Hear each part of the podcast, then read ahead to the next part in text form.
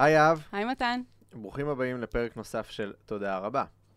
אה, היום יושב איתנו מישהו שרצינו לראיין אותו באמת המון המון המון זמן, קוראים לו גדי וילצ'רסקי, או עידן מור. אם אתם לא יודעים מי זה, אז אני ממליץ לכם uh, מהר ללכת לפייסבוק ולגלול ולקרוא ולעקוב.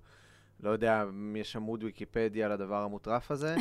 הייתה שיחה מדהימה, um, עברנו בין כל כך הרבה נושאים, אני בטוח שיהיה לכם מרתק ומצחיק. ומצחיק, ואתם. יכולים למצוא אותנו בכל מקום שבו אתם שומעים פודקאסטים, בפייסבוק ובעמוד הפטריון שלנו, למי שרוצה גם לתת תמיכה כלכלית. ובאתר בכיף. שלנו. ובאתר שלנו, תודה רבה דוט קום. תהנו. תודה רבה. תודה. תודה רבה.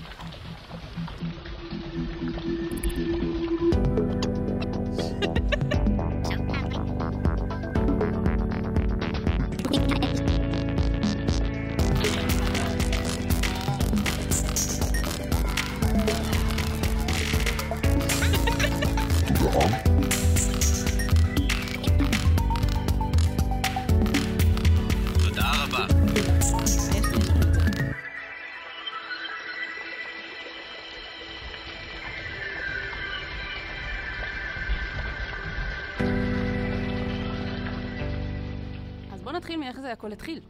מה זה הכל? הכל זה הפסיכדליה, כמובן. הכל זה הפסיכדליה. איתך, הקשר שלך עם הפסיכדליה. לפסיכדליה, למזלי, הגעתי ב... בגיל אה, יחסית אה, מתקדם, לפי מה שאני שומע ורואה היום. אה, כמעט גיל 30, וואלה. כן? וזה מתחבר ישר לאחת התובנות הראשונות שאתם יודעים, כאילו, הפעם הראשונה היא, היא עולם ומלואו, זה כאילו, זה, זאת למעשה הפעם המשמעותית, העיקרית, ה- זאתי שעושה באמת את המעבר מהעולם ה- הלא פסיכדלי לעולם הפסיכדלי, ומהרגע שעברת את, ה, את השער לעולם הפסיכדלי, משם יש חוויות פסיכדליות נוספות. כן. אבל החוויה הראשונית של לעבור את, ה, את השער מהמימד הרגיל למימד הפסיכדלי, אה, קודם כל, כמובן, כמו שלכולם, זה המון המון הבנות, תובנות, ואחת המיידיות הייתה, איזה מזל שלא עשיתי קודם. איזה מזל. שלא עשיתי קודם. בתוך כדי הטריפ? זה אחד הדברים הראשונים שעלו. זה, וואו. זה היה וואו.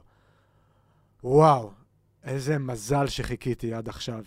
אשכרה. אני מרגיש עכשיו שאני מוכן, אני מקבל, אני מכיל, אני מחבק את זה, אני מתמודד עם זה, כיף לי, אבל לא, בוודאות לא הייתי עומד בזה ב, אה, באפשרויות, מגוון האפשרויות שהיו לי כמה שנים לפני כן, בטיול הגדול שלי בדרום אמריקה, ששם פשוט הסאטלות של הוויד היו כל כך חזקות, והייתי כל כך מבולבל ואבוד וצעיר ו- ו- ומטומטם, שהיה לי לפחות את השכל של להתרחק מהחוויות הפסיכדליות שהיו מסביבי בערימות. כן, זה שמה בכל מקום. זה כן. מצחיק, כי אני פעם ראשונה שניסיתי היה בגיל 23, ואמרתי לעצמי, מה, איפה הייתי עד עכשיו? למה למה התעסקתי כאילו בכל הדברים האחרים כשיכולתי להיות פה? אני, אני, הפעם הראשונה שאני עשיתי הייתה בגיל 20, זה היה גם כשהייתי בצבא, וואו. וכאילו, האמת, זה היה בסיבוב סבבה, היום אני יכול להגיד אבל שהדברים קרו כמו שהם קרו, אבל לגמרי היה שווה לחכות. לגמרי. עד גיל לחכות. 20, או לחכות. היית... לא, לחכות ש- עוד, כן. אה, לחכות עוד. Mm. זאת כן. אומרת, זה זה גיל מוקדם מדי, זה כן. לא המקום, זה לא הזמן. כל אחד והסיפור שלו, הכל כן. טוב, הנה אני, אני כאן, אבל אין ספק שהיה שווה לחכות. כן. אם הייתי צריך להגיד למישהו. אני חושב שכאילו בדומה ובהמון המון שונה, זה גם בדיעבד הרגיש לי אה, כמו חוויה מינית ראשונה, שכאילו בתור תיכוניסט הייתי מאוד מאוד מתוסכל, ש... אני, אני כאילו מפוצץ בהורמונים, וכאילו מסתובב עם זקפת שווא 25 שעות ביממה, ואין, כאילו, אין, איפה לפרוק את זה. ובדיעבד אני שמח שזה לא קרה בגילאים האלה, שאם זה היה תלוי בי, אז ברור שבגיל 14 הייתי עושה סקס, אבל זה לא קרה. אה, אז אותו דבר, אבל רק ב- ב- ב- בשונה הרגשתי גם בחוויה הפסיכדלית. אה, ומה, איפה זה, ספר לנו קצת אה, איפה זה היה, מה, מה זה היה, איך זה קרה. וגם אותי מעניין למה לשמוע... דווקא כן בכלל? כן, כאילו, למה זה משהו שזרם, לא, או שזה וזה היה היה מתוך איזושהי מסביבך? כוונה? ועכשיו פתאום כן. הייתי סטודנט למשפטים. אשכרה. כן, זה אחד הכתמים השחורים בעבר זה שלי. אלמנט מפתיע. מאוד. הייתי סטודנט למשפטים, ואפילו הייתי ממש כאילו בקצה. זאת אומרת, זה לא היה סטודנט למשפטים באיזה מכללה, חי חיים סטודנטיאליים כיפיים וכזה. הייתי סטודנט באוניברסיטת חיפה, שזה אחד המקומות האפורים ביותר שהייתי בהם, ובדיעבד אני גם אה, חייב תודה לאפור הזה, כי האפור הזה דחק אותי אה, החוצה משם. אה, אחרי שנה ראשונה באוניברסיטה הייתי במשבר מאוד מאוד גדול, אה, משבר פנימי, אנושי, לא יודע איך, איך נקרא לזה, עשיתי שנה הפסקה, נסעתי לדרום אמריקה להבין מה קורה, שם גיליתי שאני, שאני קומיקאי, חזרתי לארץ, התחלתי לעשות סטנדאפ, ואחרי שנים, אני עושה סטנדאפ במשך שבע שנים ולא קורה כלום מקצועית. וזה היה נורא נורא מתסכל ומחרפן, וממילא כשאתה עושה סטנדאפ, אתה, כל העבודה שלך זה לחפור בראש עם כפית ולהוציא החוצה, ו- ו- ו- וההתנסויות עם הקהל, זה טירוף. מה שהיה הכי מטריף זה שהייתי סטנדאפיסט טוב. הקהל היה צוחק, היו שולחים אותי אה, לאירועי חברה, בתי ספר, צבא, הייתי מגיע ומפציץ. ולא קורה כלום. הד- הדלתות של התעשייה סגורות. המפיקים אה, מתעלמים ממני, אה, אני לא מצליח לפרוץ, לא מצליח להגיע לקהל הרחב, ובשעת אה, משבר עזבתי הכל וטסתי להודו, ושם אה, חזרתי להיות, אחרי שבע שנים שאני עושה את זה בצורה מקצועית, חזרתי להיות אה, סתם בן אדם נורא נורא מצחיק, שבלי שום סיבה נתקל בהמון המון אנשים שהוא לא מכיר, מצחיק אותם בצורה טבעית ושוטפת ורצופה, בלי הדבר הזה של, היי, שילמנו כסף, תצחיק אותנו עכשיו. חזרתי להיות בן אדם מצחיק, חזרה לי האמונה ביקום, ב- ב- ב- בעולם, ב- במי שאני, במה שאני, והשיא של הטיול הזה ושל ההבנות האלה ושל החוויה הזאת, היה המסיבה הזאת ב- באותו מקום, באנג'ונה, בגואה. הרגשתי כל כך טוב ושלם ובוגר. ואני מסתכל על השמיים ואני אומר, אני מוכן. תפתח. תפתח. אני רוצה לראות. ושמה, בדיעבד, הבנתי כמה מזל הייתה לי בחוויה הפסיכדלית הזאת, שאת כל הוראות הבטיחות בחוויה הפסיכדלית, על אחת כמה וכמה בראשונה, כל החוויות, אה, כל ההוראות בטיחות האלה התקיימו, ובפוקס מטורף, כי לא הכרתי את הוראות הבטיחות, אבל הם פשוט התקיימו. היו שם שני דלקה סיטרס אה, מעולים, בני 19, שבעי דלקות? של, כאילו, 19. כאלה שמסתכלים עליי בקטע של אחי, אנחנו כבר משתעממים מחוויות פסיכדליות, עברנו את זה, אנחנו נדלקים מגיל ארבע. אה, אמרו שהתחילו התחילו אסיד בגיל 14, אני, לא, אני אז בכלל לא הבנתי על מה הם מדברים.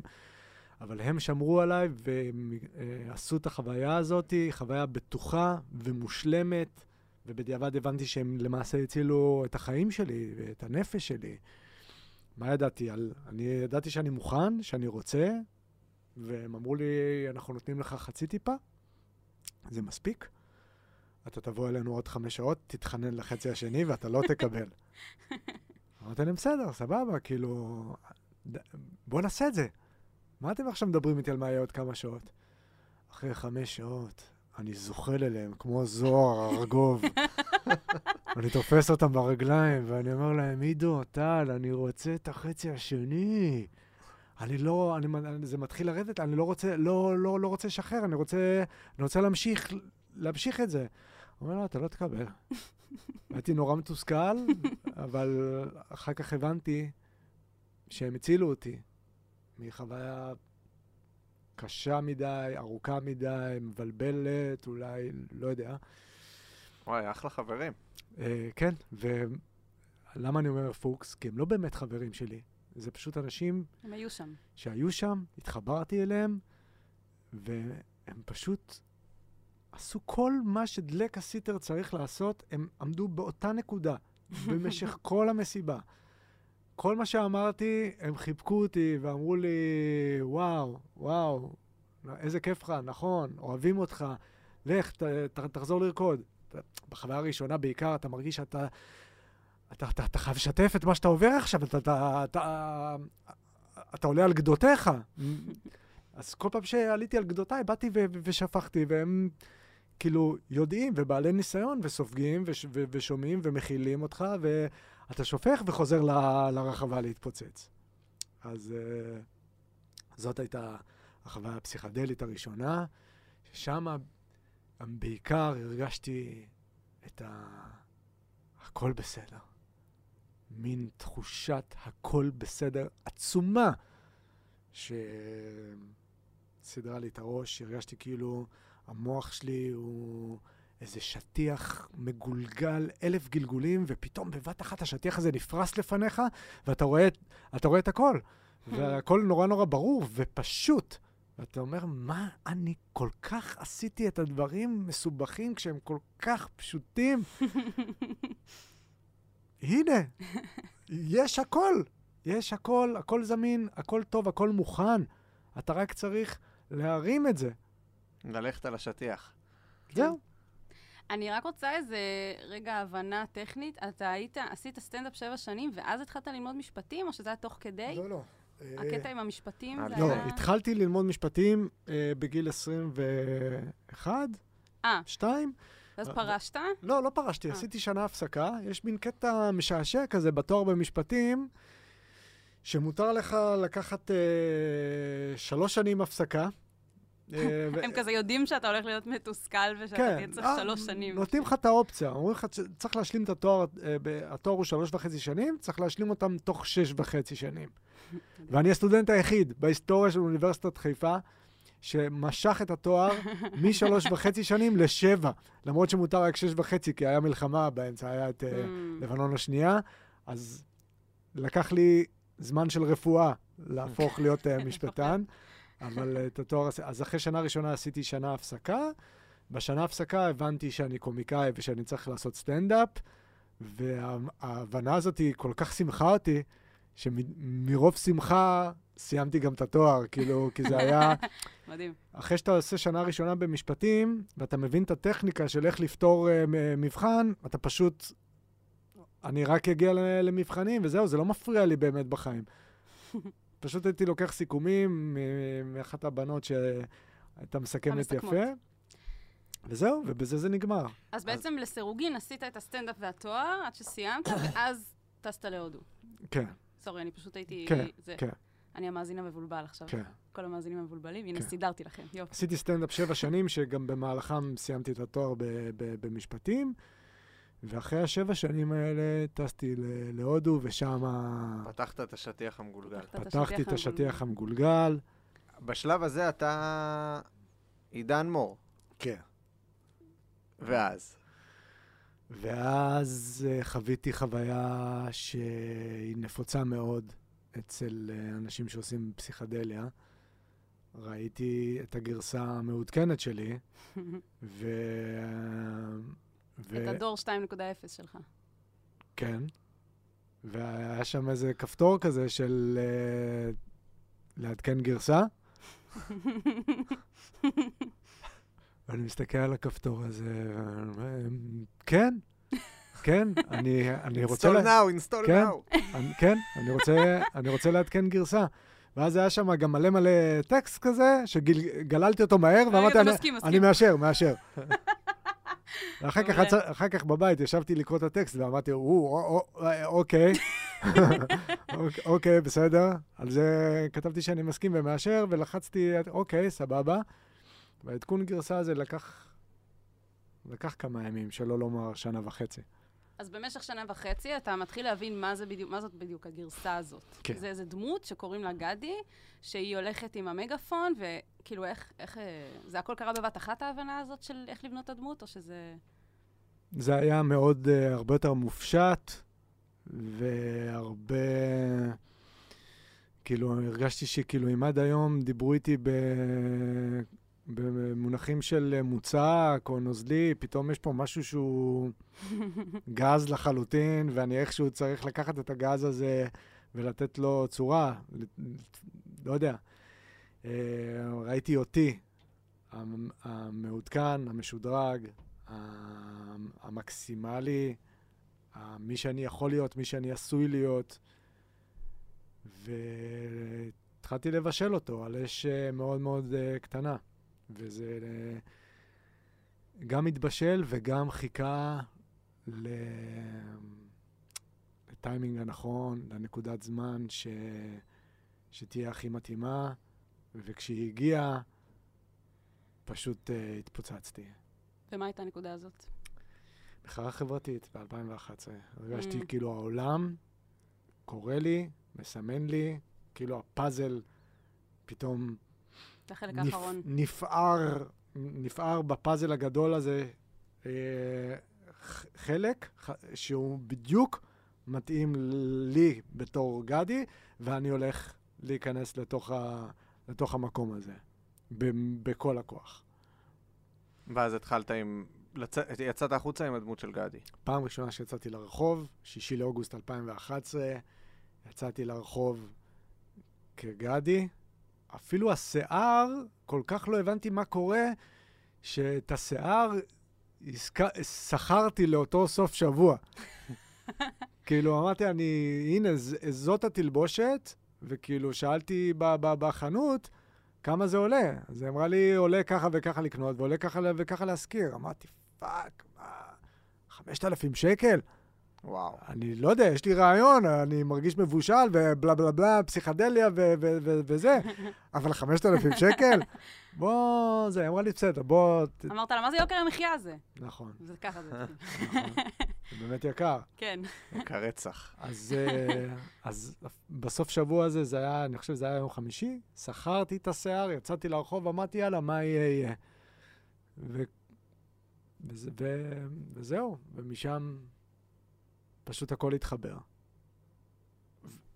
איך, איך, זה, איך זה עובד? כאילו, יש מסביבך חברים שיודעים על זה, שתומכים, שבאים איתך, אתה כאילו לבד בסיפור הזה, עכשיו יוצא בתור בן אדם חדש החוצה? אתה מבין שזה דמות, או שאתה יודע שאתה הולך לקחת את זה יותר רחוק? אני לא מבין כמעט שום דבר, אני פשוט מלא באמונה מאוד מאוד גדולה, בהמון, אה, בהמון אנרגיה והמון... אה, אה, אני סומך על, ה, על הרוח, אני משחרר, אני מרפא, אני נותן לדברים לקרות. הולכים איתי שני חברים ששיתפתי אותם בתהליך ופשוט עף להם הראש, ואמרו לי, יאללה, בוא, בוא נצא. ואז אנחנו הולכים ברוטשילד, ואחד החברים תופס שם כתב של ערוץ אחד, ואומר לו, תגיד לי, אתה, אתה בסדר? הוא אומר לו, מה, מה, מה? הוא אומר לו, תראה מי פה. הוא מצביע עליי ואומר לו, אחד המובילים של המחאה כאן, ועוד לא, ועוד לא ראיינת אותו, אתה יודע מי זה? זה גדי וילצ'רסקי, אתה השתגעת? הוא אומר לו, מה, מה, מה זאת אומרת? תביא אותו, יאללה, בוא, בוא נראיין אותו. קנה את זה. ענק. אני, זה, אני מכיר את הרעיון הזה, בטח. אני עומד שם לידו, והוא אומר לי, טוב, אנחנו עוד חמש דקות נעלה לשידור חי, אני אשאל אותך כמה שאלות. ואני מסתכל עליו, והוא מסתכל עליי, ולא הוא ולא אני יודעים מה הולך לקרות עכשיו. אמרתי לעצמי, פשוט תעשה את מה שאתה מרגיש. תעזוב הכל, תשחרר הכל, אל תתאמץ, אל, ת, אל תחשוב בכלל. פשוט לך עם האינטואיציה שלך. מה שהוא ישאל, תענה. מה תענה? מה שיצא לך מהפה. פלואו. ומשם פשוט, זה היה הרגע שהרגשתי כאילו, כאילו זהו, כל החיים הובילו אותי ל, ל, לרגע הזה, לשלוש דקות האלה. והרגשתי שאחרי כל כך הרבה שנים שאני לא מוצא את עצמי, ופתאום נדמה לי שאני מוצא את עצמי, כי אני מתחיל לעשות סטנדאפ, הבנתי שלא הייתי בכיוון בכלל. והנה, זה, זה קורה. נחה עליי, הרגשתי כמו, כמו מוטציה שנכנסת פעם ראשונה לבית של האקסמן, ומסתכלת ואומרת, אה, אוף, הנה, אני בבית. הגעתי הביתה. ברוך הבא הביתה. ברוך הבא, כן. זה מה שהרגשתי. וגדי פרץ החוצה לציבור. אני זוכר את הרעיון הזה, זה היה ענק. כן. אני רוצה לשאול משהו על ה... אתה מדבר על הלהרפות. כאילו, כן. כל השכלתניות הזאת, כאילו, השארת אותה מאחור, אמרת, זה לא מה שהולך לי- לעזור לי לפרוץ. כן. הרי אמרת, עשיתי סטנדאפ וישבתי וכתבתי וחשבתי והצחקתי אנשים, אבל כן. לא היה לי את ה flow הזה, את ה... לה- להרפות. הש... אני, מאוד מעניין אותי, ברגע שהבנת שאתה פשוט צריך כאילו לזרום, ומה שיוצא לך מהפה יצא לך מהפה, וזה גם עובד, מהמם. אבל יש איזשהו שלב שאתה מגיע לרמת פרסום, שאתה כבר כן צריך להתחיל כאילו to get with the program. כאילו, אתה כן צריך לכתוב חומרים, וללכת נכון. ולעשות, לקבוע לעצמך לוזים, וללכת לעשות הופעות, כי כן, כאילו, הדברים קורים, וכן צריך איזשהו לארגן את הדברים ולתכנן אותם מראש. נכון. איך זה מסתדר? אה, זה מסתדר ברגע שאתה אומר לעצמך אמ, שיש את מה שאני מרגיש וחושב ומאמין, ויש את העולם, ויש את, הח, את החבלים האלה שאני... חבל טבור כזה. שאני זורק ו- ו- ו- ו- וקושר את עצמי לעולם. אמ, יש לעולם את החוקים שלו ואת הכללים שלו, ומה אתה רוצה לעשות? אתה רוצה כאילו לרחף מהצד, או שאתה רוצה גם לגעת בעולם? ובחוקים שלו, אם אתה תהיה מספיק אה, חכם ורגיש, אה, אתה תוכל לשחק לפי הכללים של, ה- של של העולם. ולהשחיל להם את, ה- את מה שאתה רוצה את להשחיל הגלולה להם. בסטייק. כן, האמת שזה מאוד מעניין אותי, כי אני גם אה, פסיכונאוטית מאוד מאורגנת. אה, אני חושבת שגם אתה, בן מוש, כאילו, יש אה, אנשים שהם, שהם מגיעים לשלב מסוים בחיים שעם כל הרצון, אני מאוד מזדהה עם זה, הרצון כאילו להרפות ולשחרר ולתת לה, לתת לאינטואיציה לעבוד, כן. ועדיין, כמו שאמרת, יש את ה... אתה צריך את החבלים האלה לעולם, בשביל המציאות, ואם אתה גם באמת רוצה לשנות, אז הרבה פעמים אתה צריך כאילו um, to get your shit together. כן. כאילו ש- זה- שמעתי פעם איזה משפט של איזה, אני לא טוב בציטוטים, כי- ו- אבל איזה משפט שממש התחברתי אליו, שאיזה סופרת אמרה, תכתוב דלוק, תערוך סאחי. יפה. וואי, זה נראה לי משפט העונה שלנו. יכול להיות. תכתוב דלוק, עונה תערוך קודמת, סאחי. אה, נראה לי זה היה, אם תפתח את הראש יותר מדי, אז המוח שלך ייפול החוצה, ינזל החוצה. אה, שזה גם לא טוב. מחאה חברתית, כן. ממשיכים, עכשיו כאילו, אוקיי, אתה סטנדאפיסט, אבל אתה נכנסת לאיזה מקום שאתה אקטיביסט בו. כן. כאילו, סבבה, זה קרה, המחאה החברתית, אבל אתה המשכת עם זה. כן. ואמרת דברים אמיתיים, ומי שלא מכיר יכול לחזור אחורה ולחפש דברים על גדי, כאילו, מהתקופה ההיא וזה. אמרת דברים אמיתיים, התחלת לצבור קהל, כאילו, אז מה... תספר לנו קצת על זה ולאן זה התפתח. אה, קודם כל, אה, אני מודה בקול רם שיצאתי לעשות סיבוב על המחאה. לא באתי אה, להיות אה, מוביל את חברתי. או, או באמת לעזור למחאה החברתית אה, להצליח. אה, פיתחתי באותו, באות- באותו זמן אה, ז'אנר הפגנות שנקרא הפגנות פנאי. זה הפגנות על דברים לא חשובים, ובזמן שכל העם צרח דברים מאוד מאוד חשובים ובסיסיים וערכיים, אני הלכתי לעשות uh, הפגנה נגד ניתוחי הקטנת חזה. אני זוכרת אה, את זה. את זוכרת את זה? כן, זה דווקא הסרטון הראשון שראיתי שלך. אז זה, זה נגיד הפגנה עם שהיה... הבלונים האלה. עם- משהו כזה, נכון, כן. נכון. זו הפגנה שהיה אפשר לעשות ב-2011, ב-2020 כבר אי אפשר. אמ, ואז גיליתי את השגרירויות, עשיתי הפגנות פנאי מול שגרירויות, של באמת לקחתי את הנונסנס, חגגתי אותו, הלכתי לדרוש מה, מהמצרים את הפירמידות בחזרה, ו... והחיפה לחיפאים, זה בכלל כאילו... החיפה לחיפאים היה דווקא, אה, מה שהדליק אותי בחיפה לחיפאים היה שיש פה איזה משהו שהוא באטמוספירה של, אני בא ממקומות של דלקה, והחיפה לחיפאים נותן איזשהו, איזושהי יד אבסורדית לתוך העולם הסאחי האמיתי, ו- וחיפה לחיפאים, מי שלא מכיר, הוא לקח, אה, זה ביטוי שלקח משהו כל כך זניח ב- ב- בחיפה וניפח אותו לממדי ענק. Uh, החיפאים, uh, הם מתנשאים תרתי משמע על הקרייתים, החיים על הכרמל, הקרייתים שמה, למטה בקריות, וכל פעם שהקרייתים נכנסים לחיפה הם הפרו את האיזון העדין שיש ב- בחיפה. היו מתחילים עם הבחורות שלנו, מתפרעים, שוברים דברים, תמיד שיש בל- בלאגנים במועדונים או, ב- או בברים בחיפה, זה, זה קרייתים. וכאילו, זה היה באוויר, זה משהו שדובר עליו, אבל זה לא מספיק חשוב כדי להיות הכותרת. לוקח את זה עכשיו עד הסוף. כאילו, זועק בכל הארץ שהבעיה היחידה של המדינה זה נוכחות תושבי הקריות בחיפה. הסתובבתי בחיפה וגירשתי קרייתים ממועדונים ומברים. אה, הקלטתי גם שיר ראפ זועם על כל תורת הגזע אה, החיפאית. אה, הם אוהדים של מכבי וקוראים לנו אחים, אבל בפסח הם עושים מצות מדם של חיפאים. וזה התפוצץ, החיפאים תפסו את הראש ואמרו, מה זה, מי זה, מי זה הדפוק הזה? והקרייתים כאילו... הם וואו. צחקו מזה, אה? כן, למרות שהייתי קרוב כמה פעמים לקבל מכות, אה, אבל... זה- זה מצחיק. כן, אה? אבל, כן. אבל זה עבר, זה עבר יחסית אה, חלק. אה, אז אני בכלל יצאתי לעשות אה, צחוקים ולעשות סיבוב על, המחאה, ואז היה לילה אחד ששינה את הכל. אה, עצרו אותי בהפגנה בכניסה לעיריית תל אביב, שמו אותי עם כל המנהיגים של המחאה במעצר כל הלילה, ושמה המנהיגים של המחאה קיבלו אותי כאחד משלהם, והמשטרה הצביעה עליי כאחד ממנהיגי המחאה. ואמרתי, יאללה. בחרת צד. יאללה, אולי אה, גם ככל שיותר ויותר אנשים עקבו אחריי, גם בפייסבוק וגם ביוטיוב, פתאום אתה אומר, רגע, תראה כמה עוקבים יש לך, אולי, ויש לך כוח. אולי נגיד גם...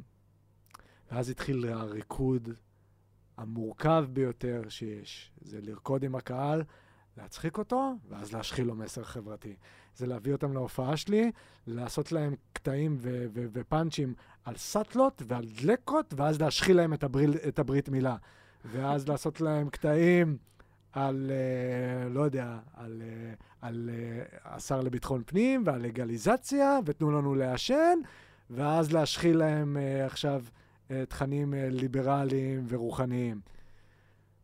והריקוד הזה הוא אחד הדברים המורכבים והיפהפיים שיצא לי לעשות בחיים. זה כאילו לא, לא חלמתי בכלל להגיע לאיזושהי נקודה כזאת, שאני אוכל גם לעשות צחוקים וגם לעמוד ולזעוק זעקה חברתית. לא דמיינתי את זה בכלל. רוב הדברים שהגשמתי בשנים האחרונות זה חלומות שבכלל לא ידעתי שיש לי.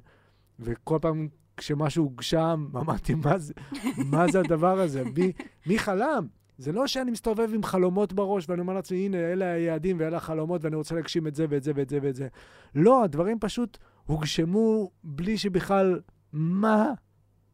אבל כן. הבנת בשלב מסוים שיש לך פה את הכוח אה, לעשות משהו חשוב, משהו, משהו שהוא משנה. כן, והלכת עם זה, כאילו אמרת, אוקיי, יש לי את הכוח הזה, אני הולך להשתמש בו. כן.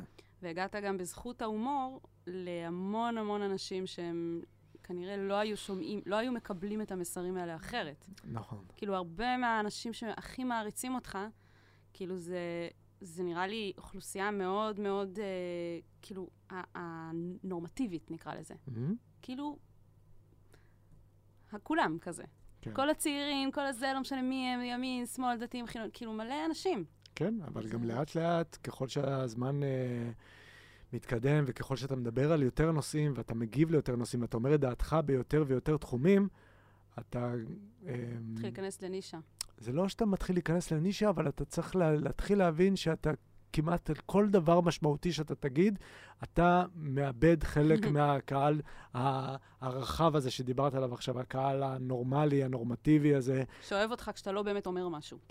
שהם, ב- וככה, ככה, אה, האמת היא שעשיתי את הכל אינטואיטיבי, אבל בדיעבד הבנתי שזאת הדרך. זה כמו שכאילו הביטלס מספרים שבהתחלה הם היו שרים She loves you, yeah, yeah, yeah, ואז כל העולם כזה, yeah, yeah, yeah, ואז הם התחילו להשחיל את מה שהם הם רצו ל- לעשות באמת. אז אותו דבר אצלי, אני עשיתי בהתחלה אה, סטנדאפ שב-2011 הוא היה מאוד מאוד אה, חדשני. יש פה סט- סטנדאפיסט שעומד על הבמה ומספר על חוויות פסיכדליות שלו, ועושה צחוקים על, על, על מה, מה שהוא עובר בדלקה במסיבות טבע. אנשים היו כאילו מזועזעים, אבל כאילו בקטע של, של בואנה, מי זה? ולאט לאט אתה מושך אותם, ו, יוצר לעצמך קהל, ואז כשהם כבר פה, מתחיל להשחיל להם את הדברים העמוקים יותר שאתה רוצה להגיד. אבל עוד פעם, אני אומר שככל שמתקדם הזמן, ככל שאתה מדבר על יותר דברים, אה, מה היה בברית מילה, וואי וואי. מה היה בברית מילה? אז מה, בוא נדבר רגע על הברית מילה, כי זה, אה, זה, אה, נקודה. אה, אה, אתה זוכר את זה? באיזה שנה? אה, בטח. שזה... לא, אני, כאילו, את שלך. זה... אה. אה, אה, אז- מצחיק. אה, יפה. אה, תפוץ סטפיסטים. מצחיק, מצחיק, נשמה? תקשיבי, תקשיבי סיפור. אוקיי. יש לי חבר טוב שעשה איוואסקה לפני שנתיים, ובמהלך הריחוף הוא פתאום חזר להיות הילד בן השמונה הזה, בן. שמונה הימים. הוא ראה המון המון דם, החוויה הפסיכדלית אה, נגמרה, הוא התקשר לאימא שלו, אומר לה, אמא, מה היה בברית שלי? למה עשית לי את זה? אז היא אומרת לו, מה זאת אומרת מה היה? הוא אומר לה, אני ראיתי, ראיתי, שיתף אותה שהוא עושה איוואסקה, ראיתי דם, צרחות. אומרת לו, תעזוב אותי, משוגע. אה, אני לא רוצה לדבר על זה בכלל. התקשר לאחיות שלו, האחיות שלו אומרות לו, מאיפה, מאיפה אתה מביא את זה בכלל? הברית שלך הסתבכה. אה. הרב כאילו עשה, המוהל עשה שם איזה פלטה, היה שם שפריצים של, אה, ש, של דם, היה שם היסטריה, אנשים צעקו, מטורף. זה נגמר בסדר, אבל היה, היה, שם, היה בלאגן.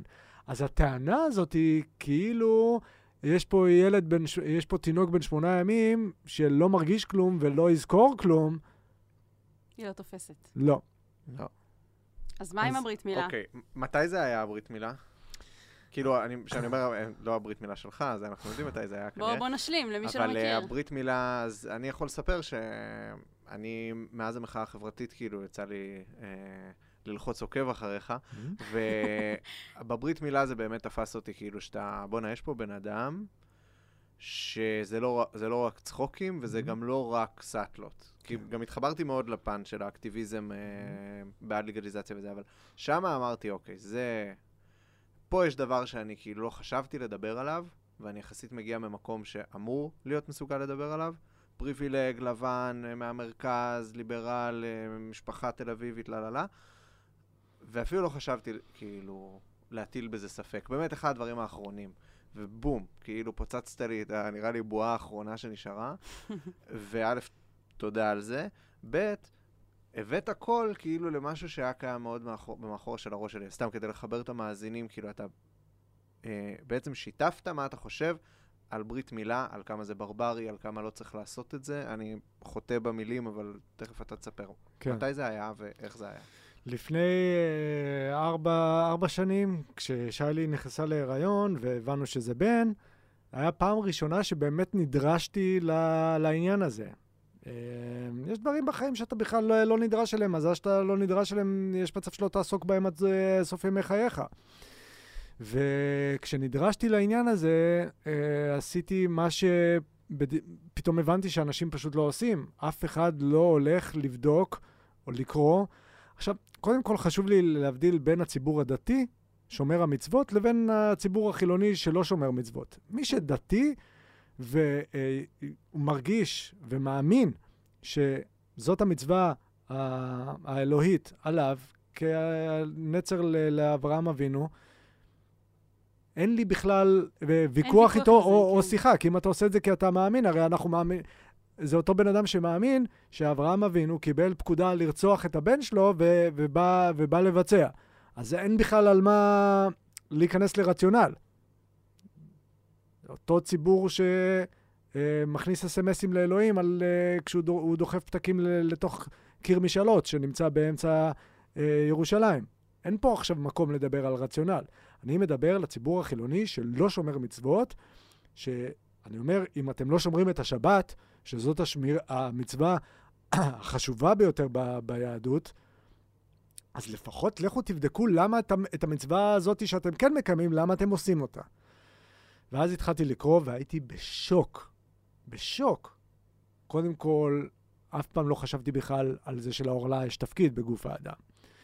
אמ, לא... כשקראתי דברים שהרמב"ם אומר, שהרמב"ם אומר שאת העורלה מורידים כדי לצמצם לנו את ההנאה המינית, כדי שלא נצא מדעתנו. אמרתי, מה? זה, זה, הנה, זה הרמב"ם, לא תגיד איזה, איזה הוגה דעות או איזה רב ב- ב- ב- בשולחן, לא, הרמב"ם אומר את זה. אה, ובכלל, האינסטינקט הבסיסי, הראשוני, הרוחני שלי היה לא לפגוע בגוף של הבן שלי אם אין בכך צורך. אם הילד נולד בריא, אין שום סיבה להוריד לו חתיכה מהגוף. וקראתי וחקרתי, וקראתי וחקרתי, וכנ"ל אה, גם אה, שיילי. ואז אה, גם פגשתי את רני כשר, בן אדם שכתב ספר של 80 אלף עמודים, של מה זה ברית מילה, למה זה נוצר, למה אנחנו עדיין עושים את זה. ועוד בן אדם דתי. מי מדברת על רן? לא, כן. הוא לא, הוא לא לא, דתי? הוא רק נראה דתי, וגם השם אשכרה. משפחה שלו מטעה. לא, אבל הוא אני לא ראיתי פעם ראיון איתו. אוקיי, הוא בסדר. נראה, הוא כל כך נראה דתי, שהוא נחרט לך בראש כדתי, את מבינה? אין לו. כיפה על הראש, הוא פשוט בן אדם שנראה עם קצת... אה, זקן וזה. משה רבנו כזה, עם זקן, והוא אחד האנשים הכי לא דתיים. שיש. אז פה הרגשתי גם, לא רק שאני הולך להציל את הבן שלי מהדבר הזה, הרגשתי גם אחריות מאוד מאוד אה, גדולה לשתף את הידע שצברתי ושנחשפתי אליו בפני ההמונים, ואז אה, פגשתי פעם אחת במרוכז, בעוצמות הכי גבוהות, את עם ישראל ולהקתו. אני יכול לתאר לעצמי, זה הטבור הכי גדול, אני חושב, מבחינת שיח, כי נכון. זה וצבא. כאילו, כי זה משהו שכל אחד מאיתנו עבר, אפילו יותר מצבא. ואם אתה בא ואומר לי שברית מילה זה משהו שהוא לא הכרחי, אז אני צריך להתמודד עם העובדה שחתכו לי את הזין לשווא. נכון. כן. כן. חתכו לי את הזין לשווא. כן. וזה חתיכת התמודדות. נכון, למרות שלפעמים אני חושב על כל מיני החלטות uh, שקיבלתי באמצע הלילה, שבחורה אומרת לי מירוחם, uh, אתה אתה בוא אליי. אומר, בואנה, יש מצב שיצא סבבה, שבאמת uh, קוצצנו, ויכול להיות ש... לא, אם זה הרציונל, וזה, וככה אני מגיב uh, בסיטואציות כאלה, גם בלי העורלה, מה היה קורה אם? כן. תראה, אני לא רואה את כל הנוצרים רצים ברחובות כאילו וכזה צועקים, נשים! אה, נשים! מה שהכי אירוני זה שיש אה, אנשים שלא רוצים שהילדים שלהם יעשו פירסינג וקעקועים. ואומרים, זה הגוף שלכם, למה שתעשו את זה לגוף שלכם? ואני רוצה להגיד להורים האלה, אתם חתכתם לבן שלכם את הזין, ועכשיו אתם לא נותנים לו לעשות פירסינג בגבה? מה, אתם רציניים? כן. מה זה? יש, יש בדבר הזה אה, כל מיני רבדים וכל מיני שלבים, וכאילו, יש כל מיני בעיניי דרגות אה, חומרה. זאת אומרת, אם החלטת, אם קראת, זה... קודם כל תקראו, והרי אתה, אתה קונה טלפון, אתה קורא, אתה קונה אוטו, אתה, אתה משווה. קודם כל תקראו. אם קראתם והחלטתם, אז כמובן שצריך להבין שמדובר פה בהליך רפואי לכל דבר, אה, אז תביאו רופא. עכשיו, אם גם קראתם והחלטתם לעשות את זה והבאתם רופא, לא באולם אירועים. לא לנתח את הבן שלכם באמצע אולם אירועים, כשמסביב רוקדים, מסביב לניתוח, אנשים עם בורקס ווודקה רדבול, ורוקדים הזיה. מסביב לניתוח. ואחר כך מסתכלים על, ה... על המוסלמים שעושים אה, מילת אה. נשים. אומרים, תראו את הברברים האלה. כן. ולגבי מילת נשים, אני חשבתי על זה לא מזמן, ש... מילת נשים זה כאילו כולם אוי אוי אוי אוי אוי אוי, זה כזה נורא. תכלס, זה גרוע באותה מידה כמו, כמו ברית מילה.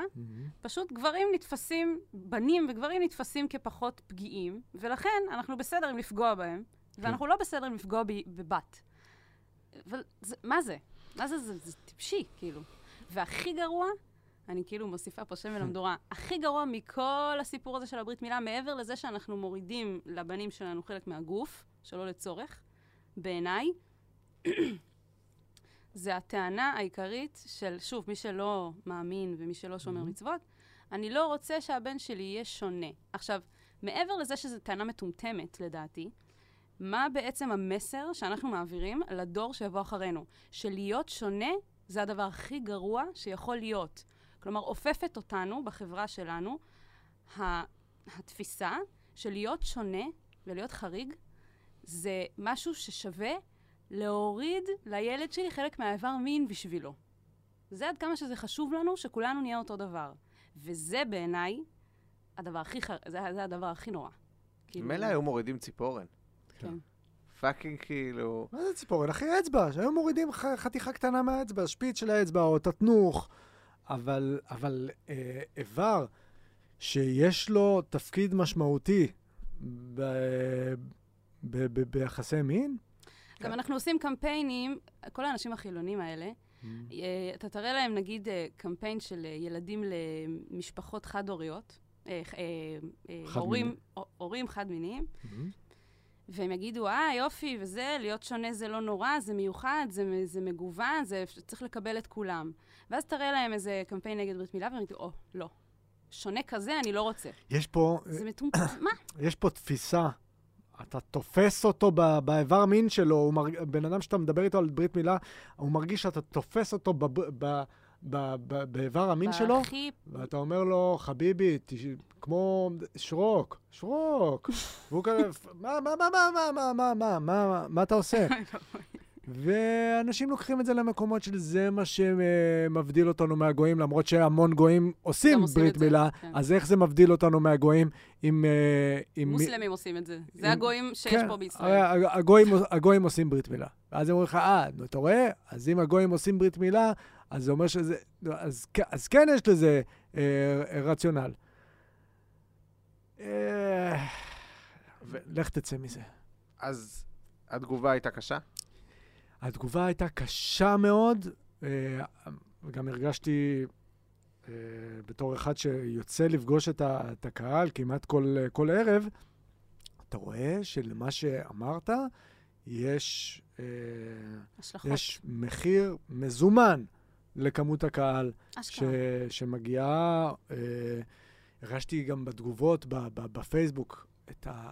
ממש הרגשתי כמו איזה גל כזה של צונאמי של תגובות שמגיע, זה מצד אחד. מצד שני, שמתי את הידיים ככה, והרגשתי את העוצמה של הגל הזה, והרגשתי גם שאני עומד בעוצמה. אני שלם, כאילו, אני, אני, לא, אני לא שלם כי חתכו לי. אני- אני שלם עם מה, ש, עם מה שאני עושה, עם מה שאני אומר, אני עומד בזה. אני עומד בזה, ויותר מזה, אני גם מבין למה הם מגיבים בצורה כזאת. מה חשבת על עצמך שהתעסקת עם, אה, עם עם ישראל? אחר כך גם פגשתי את, את אותם אנשים ואת אותן תגובות בצורה טיפה אחרת, כשהתחלתי לחתן אה, זוגות מעורבים. לפני... החתונה האחרונה הייתה לפני שלושה שבועות, חיתנתי בקפריסין בחור יהודי ובחורה מוסלמית. איזה מגניב, אתה עושה את זה? כאילו כן. בתור... אדיר. ומכל הדברים של אני מרגיש שליחות פה, שליחות שם, זה להפיץ את, ה, את, ה, את המסר הזה, של לא יכול להיות שאנחנו נכתיב ללב הגבלות, כן. זה אחד המסרים הכי חשובים שאני מרגיש, שאני רוצה וצריך, והגעתי לפה בשביל להעביר אותם. אבל אנחנו כל כך מסובכים, כי אנחנו לפני כל כך הרבה זמן הפרדנו את עצמנו משאר העולם. אנחנו העם הנבחר, אז יש אותנו ויש את הגויים. ואנחנו סוחבים כל כך הרבה צלקות של... אתה רוצה להגיד לי שאחרי הצלקות האלה, שאבות אבותינו אספו וצ... ו... ו... וצולקו ונרדפו ונרצחו, אתה עכשיו את כל זה זורק לפח ומתחתן עם מוסלמית? אתה יכול לעשות את זה אם היא תעשה את הקורס. איזה קורס? הקורס הזה, אה, שהיא תעשה קורס במשך שנה, הולכים פעמיים בשבוע, ואז היא עושה את הקורס, ואז יש לה תעודה שהיא בעצם אה, יהודייה, את זה אתה כן יכול לעשות. מה?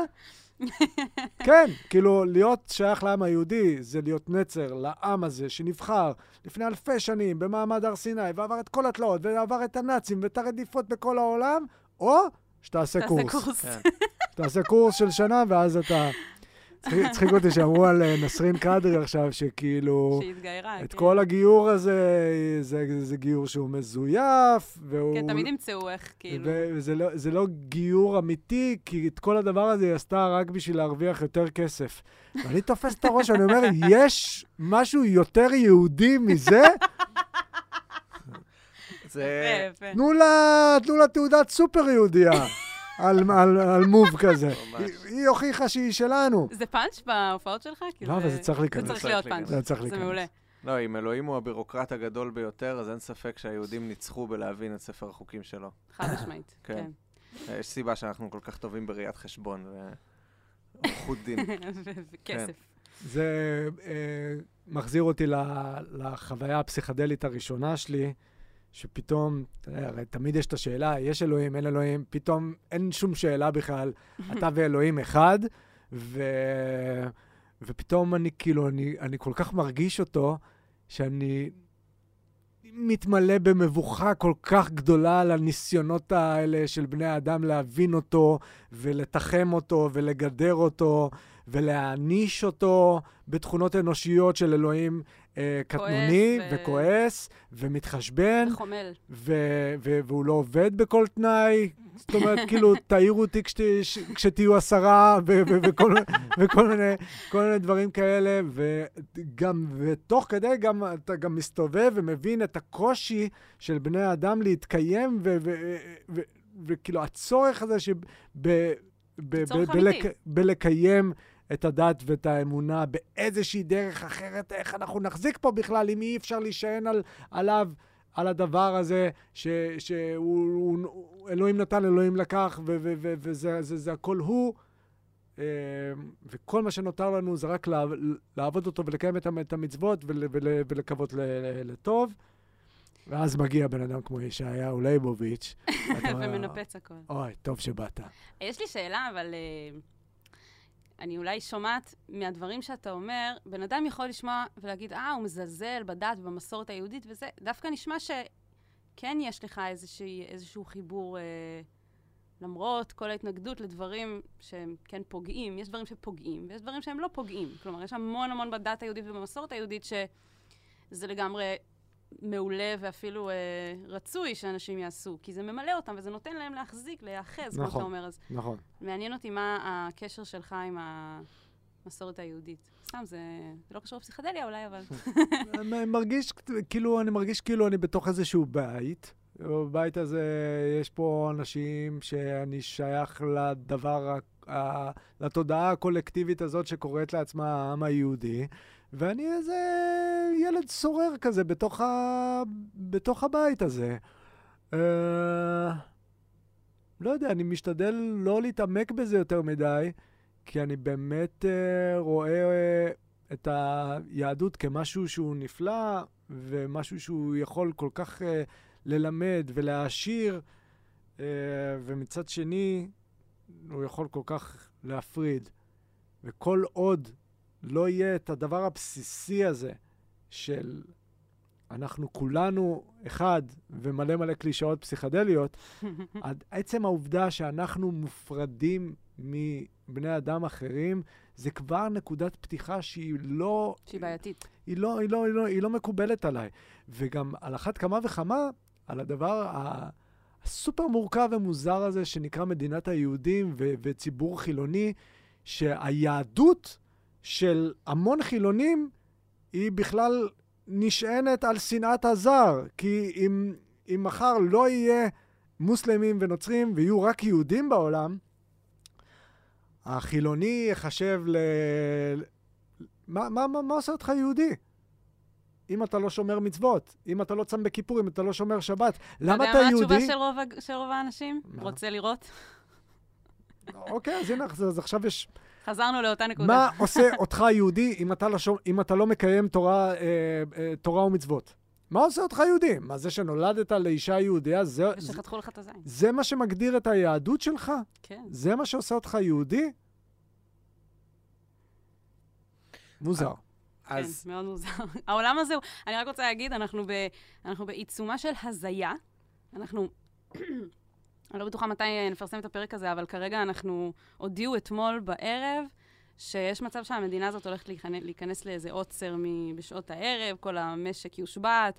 אנחנו ה- בתקופת הקורונה, קורונה, ראש הממשלה. אמור היה לעלות למשפט, חודש. לעמוד למשפט עוד יומיים. הוא, אה, כמובן שזה לא קרה, כמובן. יש uh, כל כך הרבה דברים הזויים שקורים. אנחנו פשוט חיים בתוך הזיה, ואז עוד מעיזים להגיד לפסיכונאוטים, לאנשים שאוהבים להידלק, שהם עושים הזיות. נכון? קוראים לזה פטריות הזיה.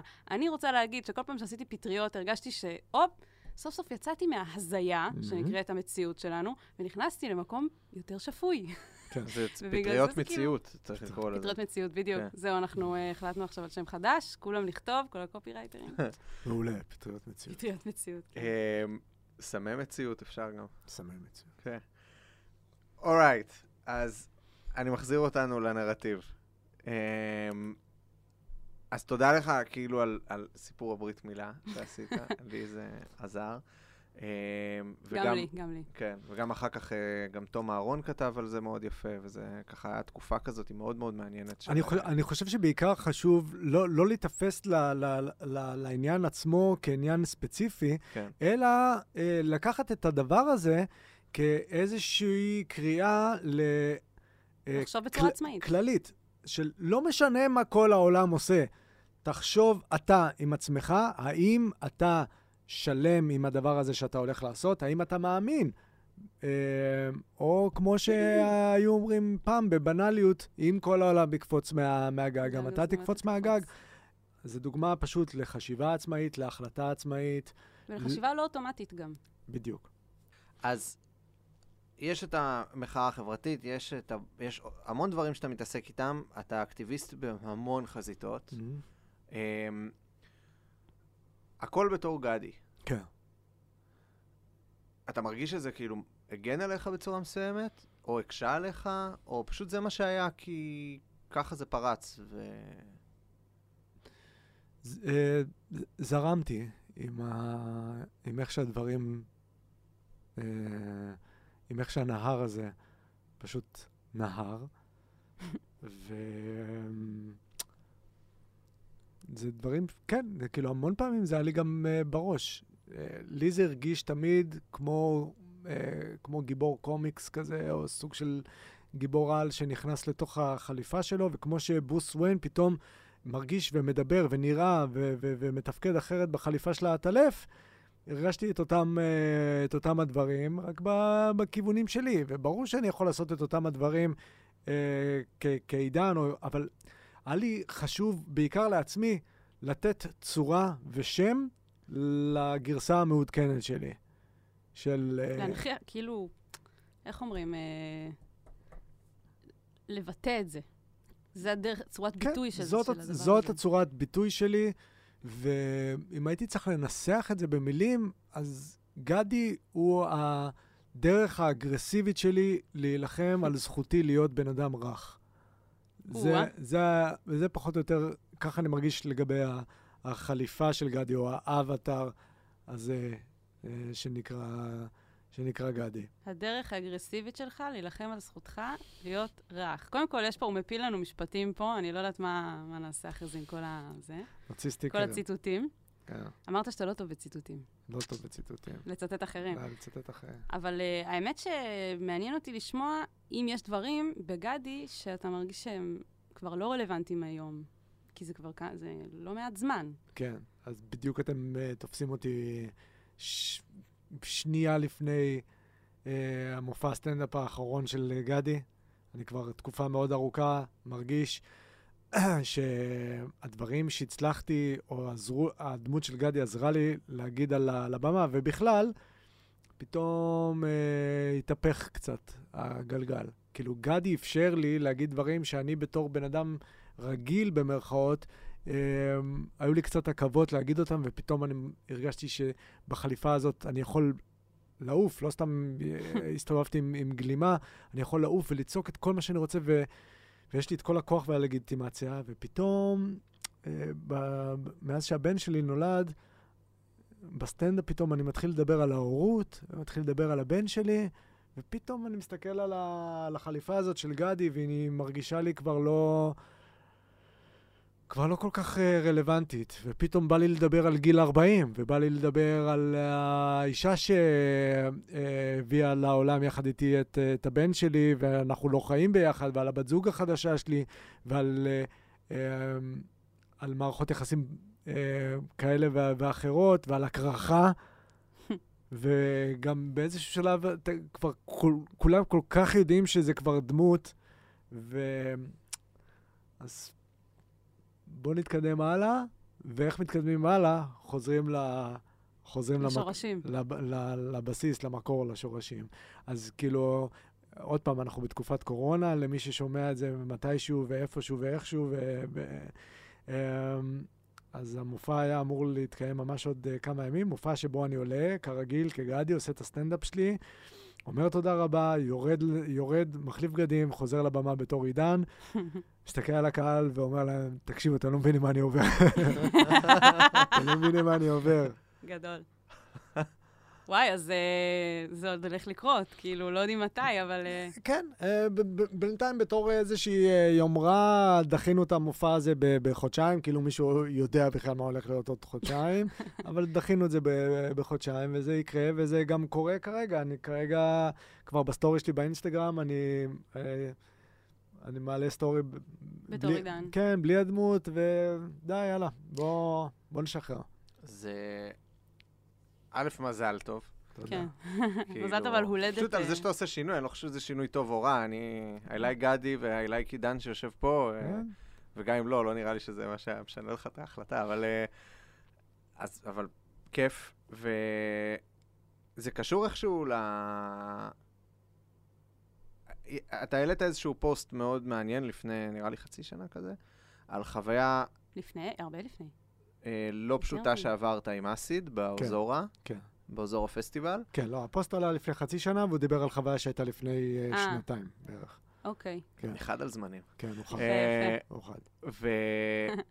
וזה קשור איכשהו להחלטה של לוותר על גדי? אני אשמח אם בא לך לשתף את הסיפור, או מה למדת ממנו, כי לי זה היה קריאה מאוד מאוד מעניינת, גם כי אני חייב להגיד שאם היה משהו שכאילו כן תמיד כזה דגדג לי, של כזה, וואי, אני חייב פעם כאילו לשבת עם גדי ולדבר איתו, לא הכל ורוד באסיד. וכזה, אני בטוח שבזמן הזה שהצגת בתור גדי את כל העולם הפסיכדלי הזה, אז כאילו בטח קיבלת המון המון המון הודעות ושיחות ובקשות לעזרה, כי לא הכל ורוד. נכון. כאילו, אז איך אתה מכיל את זה, ואז איך אתה גם משתף חוויה כזאתי, אה, כשיש לך קהל שאתה כל כך רגיל להגיד לו, כאילו, האשרם זה מדהים, ותעשו אסיד וכאלה.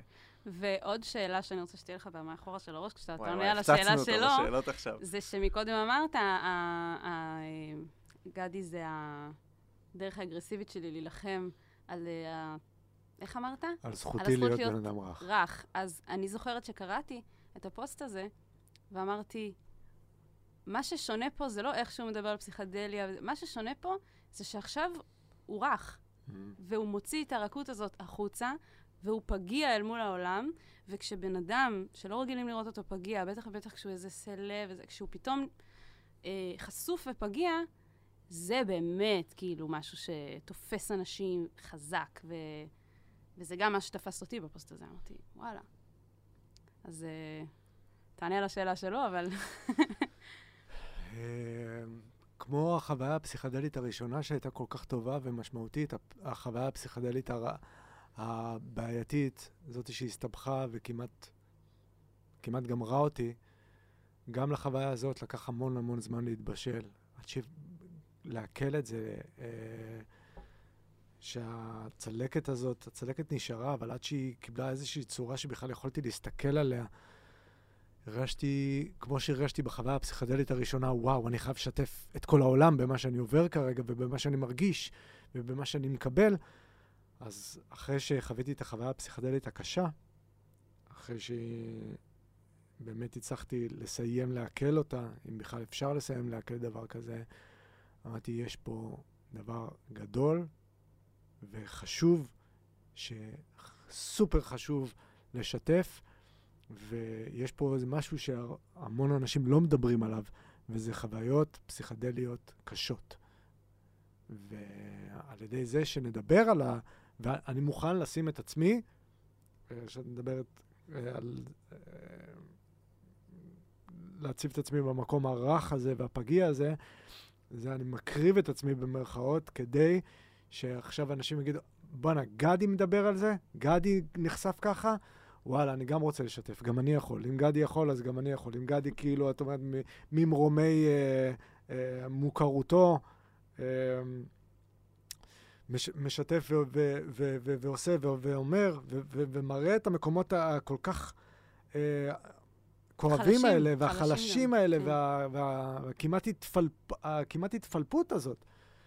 וזה הביא למבול של שיתופים של אנשים שעברו פס, חוויות פסיכדליות אה, קשות, וזה הביא אותי גם להצטרף לאודי קבלק, ומה שאנחנו עושים בחודשים האחרונים, של להציף את העניין הפסיכדלי, להציף את הוראות הבטיחות, להציף את החייבים לדבר על זה כדי לצמצם את הסיכונים שבחוויות הפסיכדליות, ואני משתף שם את כל הסיפור האישי שלי, כל היהירות הפסיכדלית שהגעתי אליה.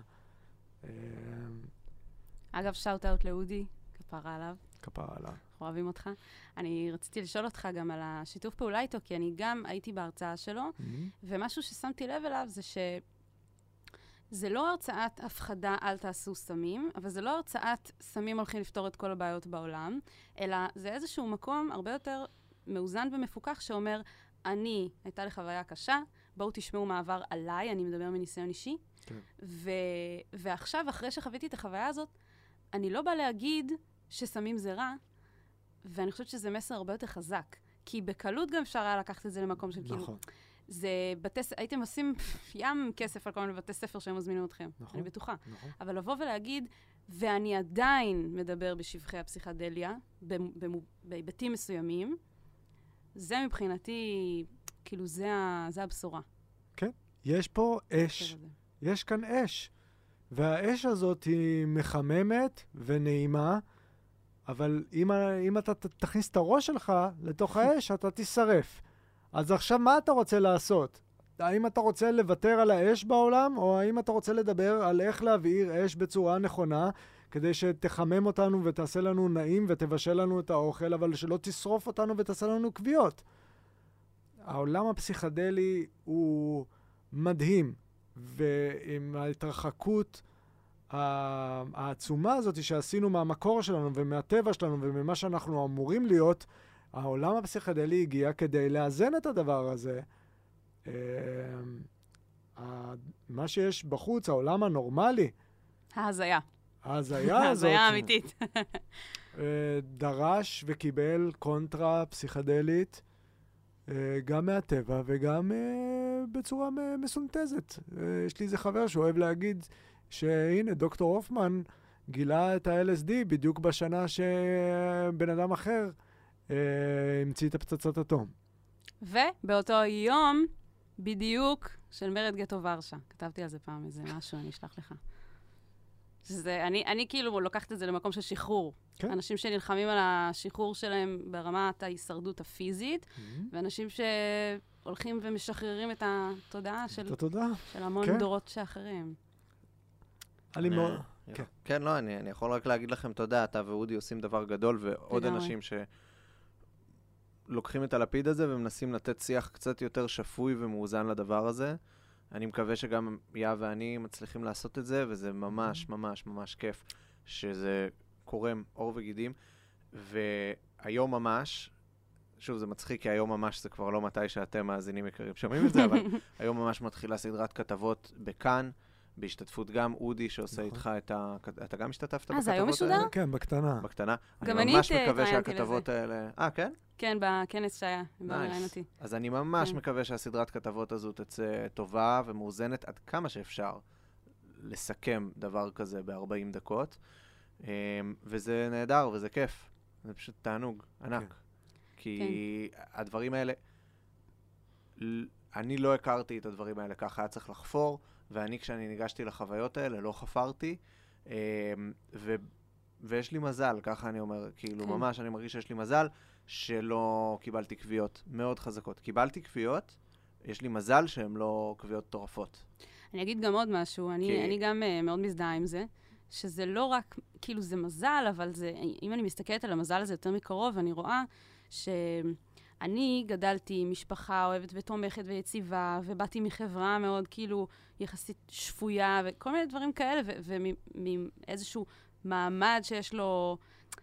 אני, אני רואה את הפריבילגיות שלי בתור חלק ממה שהפך את החוויות הפסיכדליות שלי לשפויות, נקרא לזה.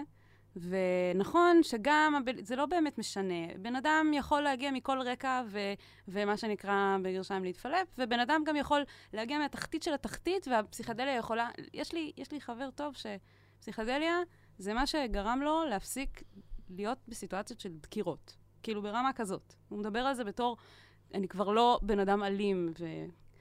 אבל יש משהו גם, אני, אני חושבת, אולי אתם לא תסכימו איתי, אבל אני חושבת שיש משהו בפסיכדליה שהמון שנים נשמר לאליטות, ובזה שמדברים על זה עם הקהל הרחב בצורה שהיא גם בגובה העיניים, ובשפה שהיא בגובה העיניים, ומאפשרים לכל מי שרוצה את המידע ואת הידע הזה לגשת אליו, זה כל כך משמעותי, כי, כי יש כל כך הרבה אנשים שם בחוץ לא, לא, לא שבנוסף, זה האנשים, הבני 16 האלה, שבאים מבתים לא כל כך יציבים, וממקומות יותר אלימים ויותר מסוכנים, והם עושים את האסיד במסיבת טבע, זה סופר מסוכן. כן. וזה מד... מה שהכי מדהים אותי במה שאתם עושים, זה שאתם, יש לכם גישה לאנשים האלה. כאילו, אני יודעת ש... ואמרת, אני מקווה שגם אנחנו עושים את זה, אני, אני גם מאוד... אה, אנחנו לא, לא בקהל הזה, וזה באמת זהו, מה זה שמדהים. פחות הקהל שלנו, למרות כן. שפה ושם אה, ניגשים אליי אנשים ו... יש, יש פה ושם לא, אה, זה, הלוואי, אני אבל, לא, אה, כן, לא רוצה לגדר אותנו לאיזשהו אני פשוט... ממש אבל שיוצרים איתנו להגיע- קשר, אני מבין. להגיע ל- לכל המעמדות, מה שנקרא, אני אתן אה, שפה של סוציולוגית, אבל להגיע לכל המעמדות עם תכנים כאלה, זה, זה באמת, אה, זו פריצת דרך בעיניי. הוא אפשר מצביע. לעשות הפסקה לפיפי? אני יודע שכאילו, אני מת. להשתין כבר שעה. בטח, בדוק. אפשר? בטח. אמ, כן, ת- זה ממש. מול. אבל מכניסים את ה... אני רוצה לצאת לפיפי לתוך ההקלטה? כן, כן, בדוק. אה, נכון, אנחנו מדברים על אה, מה שאנחנו עושים עם ה- עם על ההרצאות. ההרצאות שלכם, וכל הכבוד לכם, ויפה מאוד. זה אפילו לא באזורים האלה של... אה, של אני מרגיש אה, וואו, או כאילו, או שאני, או שאני מקבל טפיחות על, השכם. אני מרגיש שאנחנו אה, עושים פה איזושהי... איזושהי עבודת, עב, זה עבודות שירות שלנו בעולם, ולא מתוך ענישה, אלא זה משהו שאני מוכרח לעשות. המחשבה הזאת, אחרי כל כך הרבה שנים שאני מסתובב במסיבות טבע, ויש אה, קטע כזה שככל שאתה אתה מתבגר בגיל, והפער בינך לבין הצעירים שנמצאים במסיבות, הוא, זה כמו שהיום אני מסתכל על ילד בן 18 שהולך עם M16, ואני רואה שהוא הוא ילד. שהוא ילד, וואי, זה קורה לי, אני אומרת לעצמי, what the fuck? כל הזמן. אז אותו דבר, אה, כמו שאני רואה ילד בן 18 הולך עם M16, אז ככה אני רואה עכשיו את הילדים שנמצאים במסיבות, ואני זוכר על, על נפשי ועל גופי ועל מוחי ועל נשמתי את החוויה הפסיכדלית הראשונה שלי, שכמעט הייתי בן 30, ואיזו התמודדות עצומה זאת הייתה להכיל את כל הדבר הזה. ואני אומר לעצמי, מה לעזאזל עושה פה תיכוניסט במסיבה, ומה פתאום ילדה בת 16 רוצה לעשות MD? מה, מה, מה, מה קורה כאן? ולא מדובר פה בשימוש אחראי ונכון בקנאביס, שזה משהו שצריך לדבר עליו.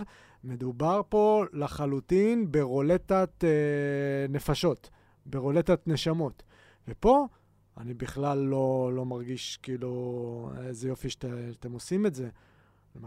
זה כאילו, זה, זה, זה, זה, זה, החובה שלנו בכלל לדבר על זה, להציף את זה. אה, ל- ל- להגיד גם לכל המתנגדים, כאילו, את- זה בכלל, אתם בכלל לא, לא, לא, לא חלק מה, מהדבר הזה שאני צריך לעשות. זה לא מעניין אותי שאתם מתנגדים לזה. יש פה... אה, אנשים שנפגעים. יש פה אנשים שאפשר להציל את החיים שלהם. אם אני הייתי שומע את, ה- את ההרצאה שאנחנו עושים היום, אם אני הייתי שומע אותה לפני כמה שנים, היה נחסך ממני נזק מוחי, שלא יודע, יכול, לא יודע, אני כאילו... היה לי תקופה שהייתי עושה MD אה, פעמיים בשבוע.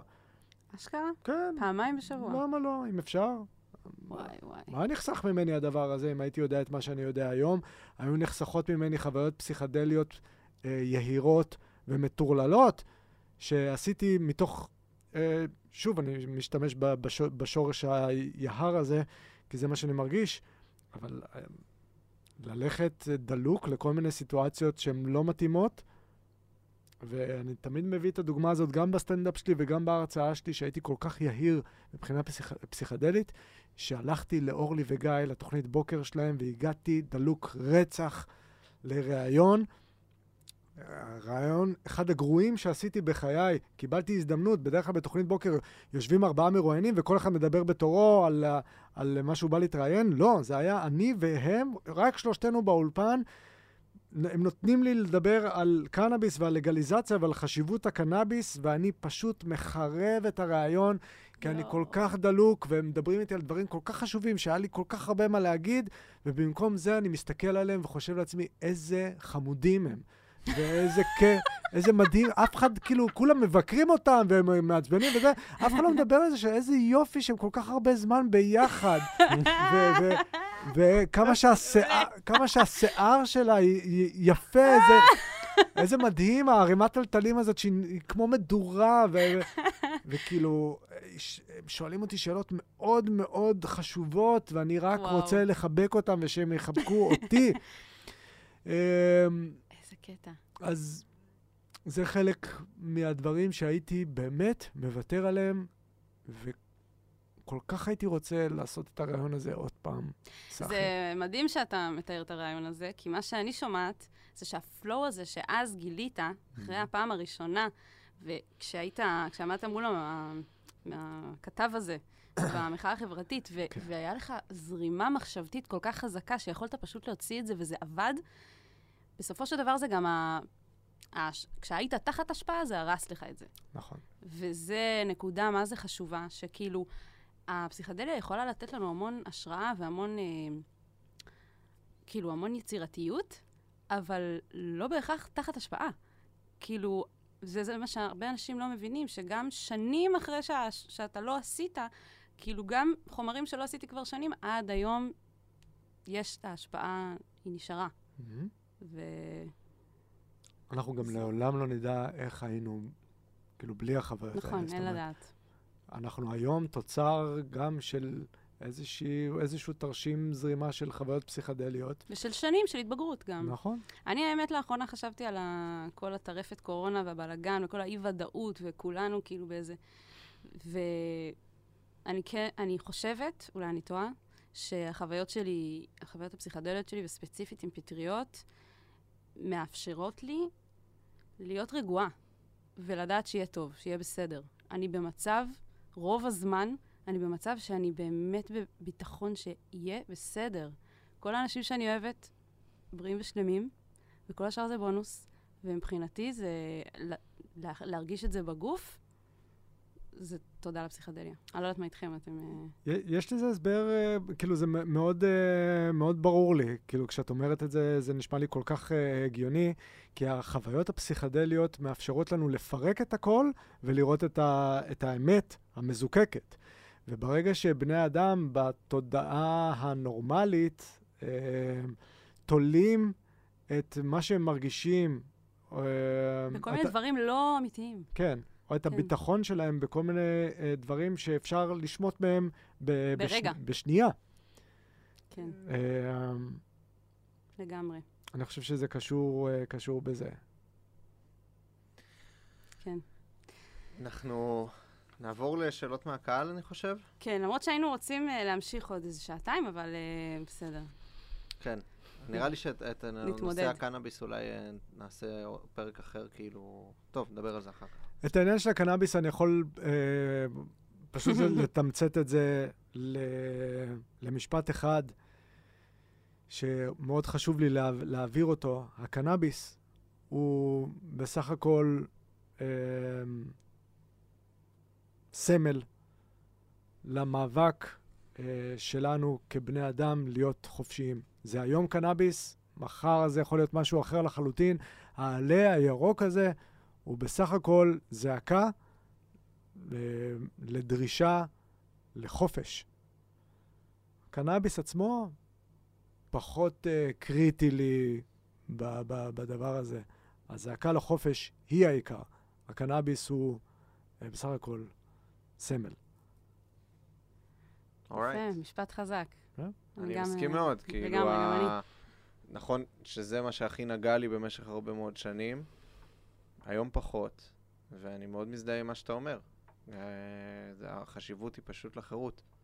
למרות שאני אתן איזה קונטרה, סורי, אני כן רוצה להגיד שבתוך כל המאבק הזה, ובתוך כל האמירות שנאמרות בו על, על היתרונות של הקנאביס, Mhm.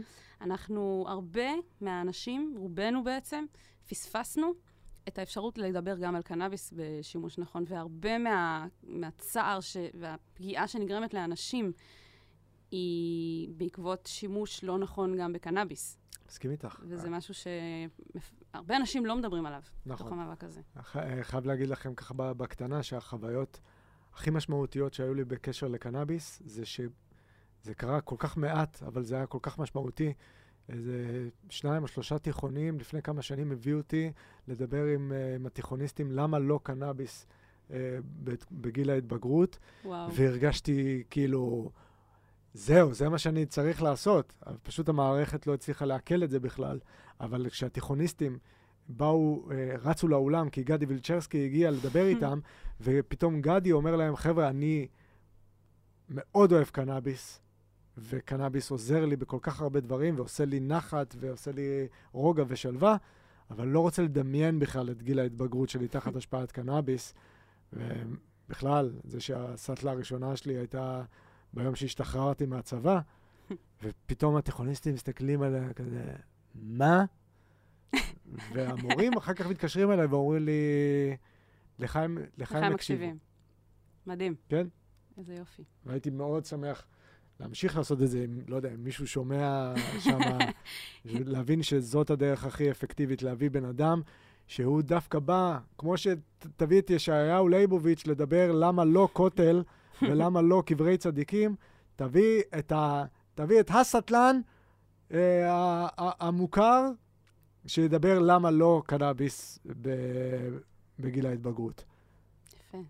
המורה או הרכזת החברתית אה, שחשבה על הרעיון הזה זה גאונה. גאוני. כל הכבוד. אז שאלות מהקהל. כן, אה, תודה שאתם שולחים לנו, תמשיכו ותשאלו שאלות. כן, אתם מדהימים. אז אני אתחיל? יאללה. אוקיי, אז דבדן שואל, שאלה פרקטלית. אני בהתחלה קראתי את זה שאלה פרקטית, ואז הבנתי שלא, לא, זו שאלה פרקטלית. מה זה פרקטלית? אני חלש בלעז. אה, פרקטל זה צורה שאם אתה מסתכל עליה בזום אאוט, והיא בצורה מסוימת, כמו פתית שלג, ואם אתה מסתכל עליה בזום אין, לא משנה כמה, אז עדיין הצורה נשמרת. זאת אומרת, זה רכיב שמכיל את עצמו עד אינסוף פעמים. אה, אם תחשוב על, אה, נגיד, אה, משולש, ואז אתה מסתכל פנימה במיקרוסקופ, והוא רק ממשיך בדיוק, בדיוק, בדיוק אותה צורה, אה, אז זה בעצם אה, פרקטל. אני לא בטוח שהדקה האחרונה הייתה נחוצה למאזינים שלנו. אני לא בטוח. לא, לא. אנחנו, אנחנו נמחק את זה, אבל האמת שלא מזמן... אבל למדתי, תודה. כאילו... אתה למדת אני אראה וגם... לך אחרי זה פרקטלים, זה מאוד גם מתחבר לחוויות פסיכדליות ול imagery פסיכדלי. כאילו. אבל, אבל בן אוקיי. מוש, בברני משה, אז uh, פתאום קלטתי, אמרתי למישהו פרקטלים, ואני כזה, פרקטלים, והם כזה, מה זה פרקטלים? ואני כזה, עובר, אני בראש שלי אומרת, אתם לא יודעים מה זה פרקטלים? חשבתי שזה כאילו בערך המילה השנייה אחרי פסיכדליה, שאנשים, לא. פסיכונאוטים אמורים להכיר, ואז הבנתי שלא, לא כולם מכירים את המילה הזאת. Uh, והאמת שהסברת את זה מדהים, ואתה גאון, בן מוש, ואני רוצה להשאיר את זה. וגדי וילצ'רסקי צריך לדעת מה זה פרקטלים, אז... אה, וגם המאזינים שלנו צריכים. נגיד המשולש הזה. אוקיי. פרקטלים זה משהו שהרבה פעמים אנשים מדווחים שהם רואים בזמן חוויות פסיכדליות, ובגלל זה זה חלק מהתרבות הפסיכדלית. אוקיי, אז דבדן שואל אה, שאלה... שאלה פרקטלית. פרקטלית, כן. ברמה הפילוסופית. כן. גדי הוא דמות של עידן. אז האם גם לגדי בעצם יש איזושהי דמות פנימית שהוא מפחד לחשוף? כן, זה דברים שעברתי, כאילו, אחד הדברים שהכי הדליקו אותי בהתחלה בדמות, היה באמת, אה, כמו השאלה הזאת, אמרתי, כאילו, אם בתור עידן הדלקתי וראיתי שאני גדי, מה יקרה כשגדי ידלק? ואז התחלתי ללכת אה, למסיבות בדמות ולהידלק בתור הדמות. ואז גיליתי שאני בטמן. אז התשובה היא כן. אתם מכירים את הסיפור הזה? אני בקיץ של 2012, אה, שנה אחרי המחאה החברתית, הסתובבתי בתל אביב בתור אה, דמות חדשה שנקראת בטמן ישראלי. זה היית זה- אתה? כן, זו גרסה, גרסה. ישראלית של אה, בטמן. אחד הדברים שהכי אהבתי לעשות, היה, הכרתי איזה בחור שאהב להתלבש בתור הג'וקר, היינו אה, מגיעים לברים ב- בתל אביב באיזה 2-3 בלילה, כשכולם כבר אה, שיכורים כזה וזה. הוא היה נכנס לפניי, לבד, מתיישב, אה, ג'וקר, אחד לאחד.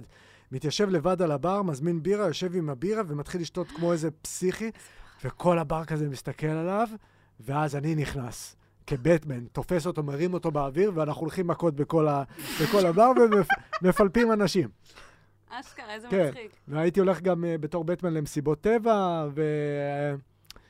ועשיתי גם כ- אה, כמה סרטונים, הלכתי כאילו, הלכתי לסינמה סיטי ב- בתקופה שהיה בכורה ל- לספיידרמן המופלא, ועשיתי הפגנה נגדו, שהוא, שהוא חרא של גיבור על, אה, היה מעולה.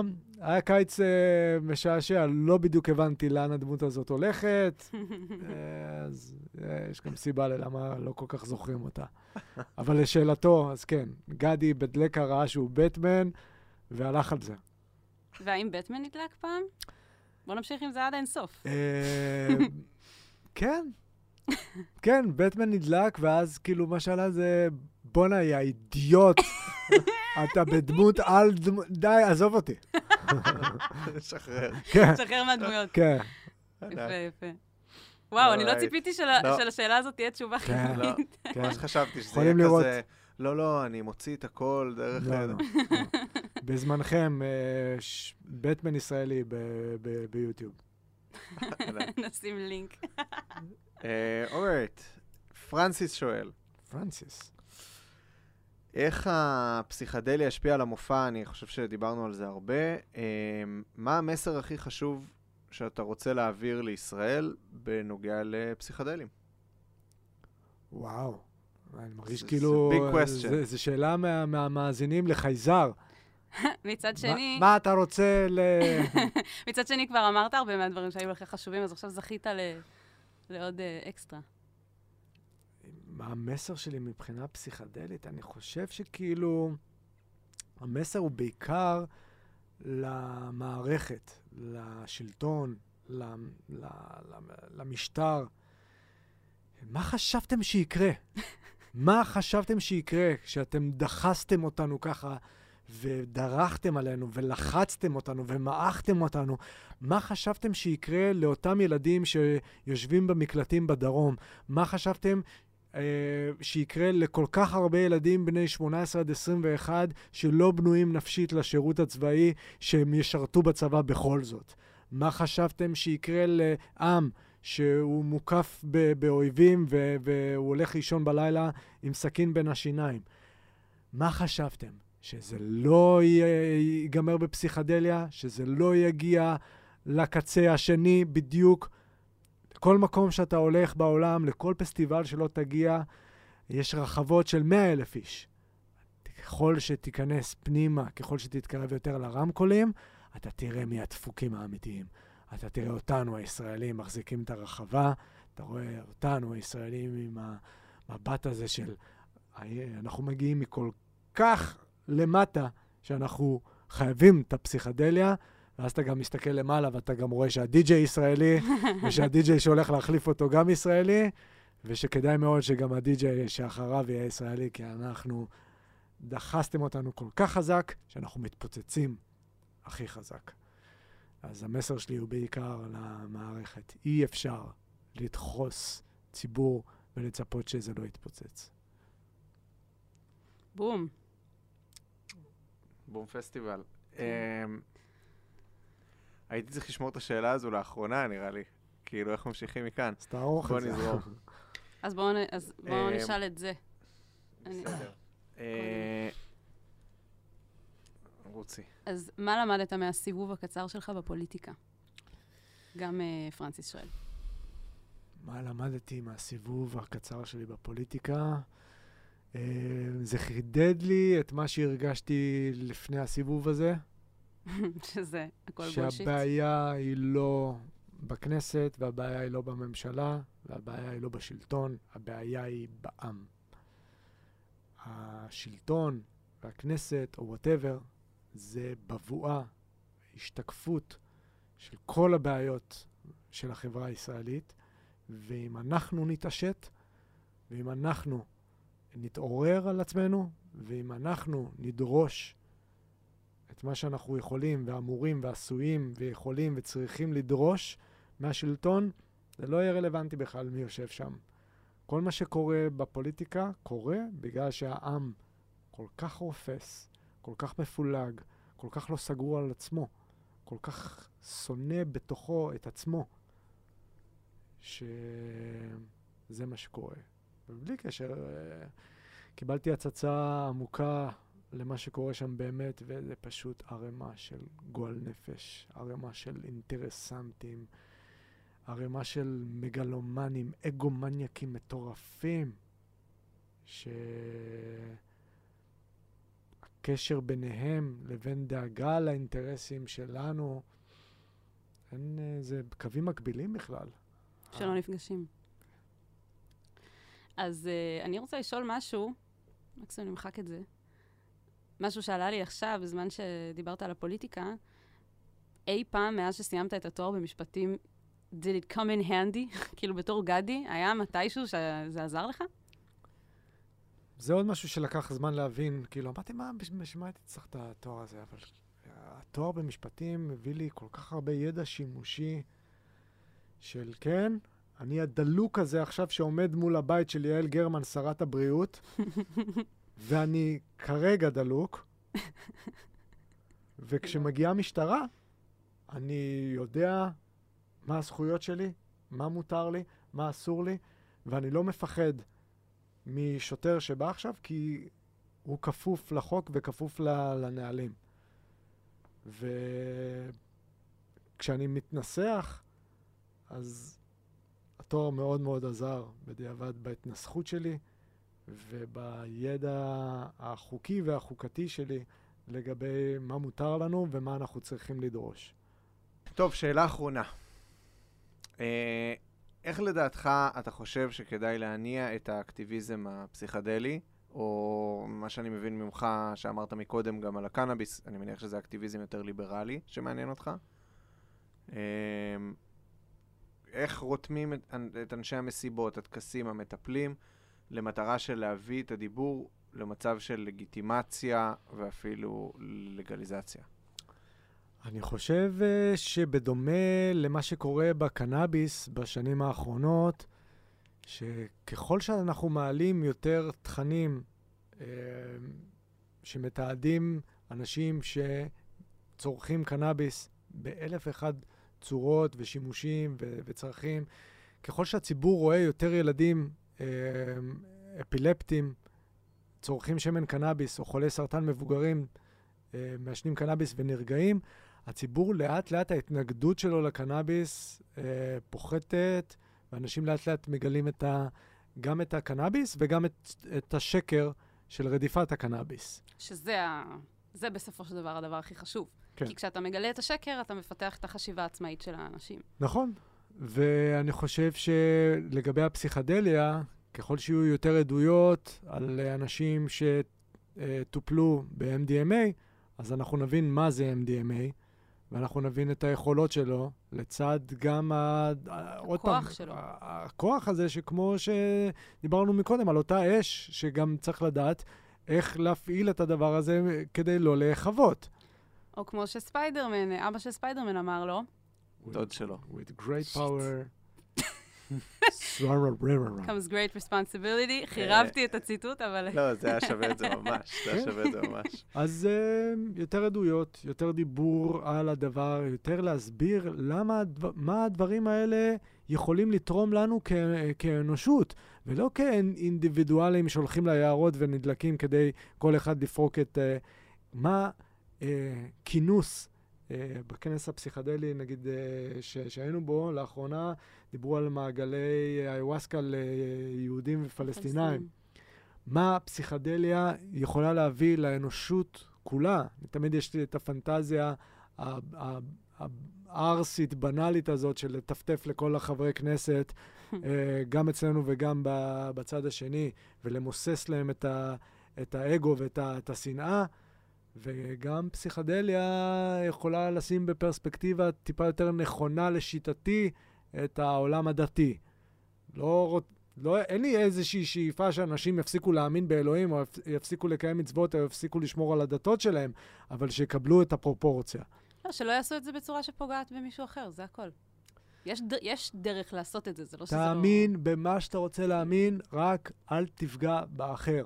ובטח ובטח שאין שום סיבה לרצוח זה את זה בעבור אבנים או בעבור קיר המשאלות שנמצא באמצע ירושלים, ולזכור, וזה עניין יהודי מאוד מאוד עמוק שלייבוביץ' דיבר עליו, לזכור שכתוב, לשם הארץ ומלואה. הארץ הזאת לא שייכת לאף אחד. היא שייכת, ל... אם אתה בן אדם דתי, הארץ שייכת לאלוהים. היא לא שייכת לא לך, ולא להוא, ולא לזה, ואלוהים הוא זה שיחליט מי נמצא פה עכשיו ומי יבוא אחר כך, כי כמו שהוא הבטיח לנו את הארץ הזאת, אז הוא גם לקח מאיתנו את הארץ הזאת ונתן לאחרים, ולקח מאחרים ונתן לאחרי אחרים. שחררו. ולהבין שאבן היא בסך הכל אבן. ושההתקרבות לאבן היא לא התקרבות לאלוהים, ואם כבר, זאת כפירה באלוהות. להרגיש או להאמין שהאלוהים נמצא פה יותר ממה שהוא נמצא במקום אחר.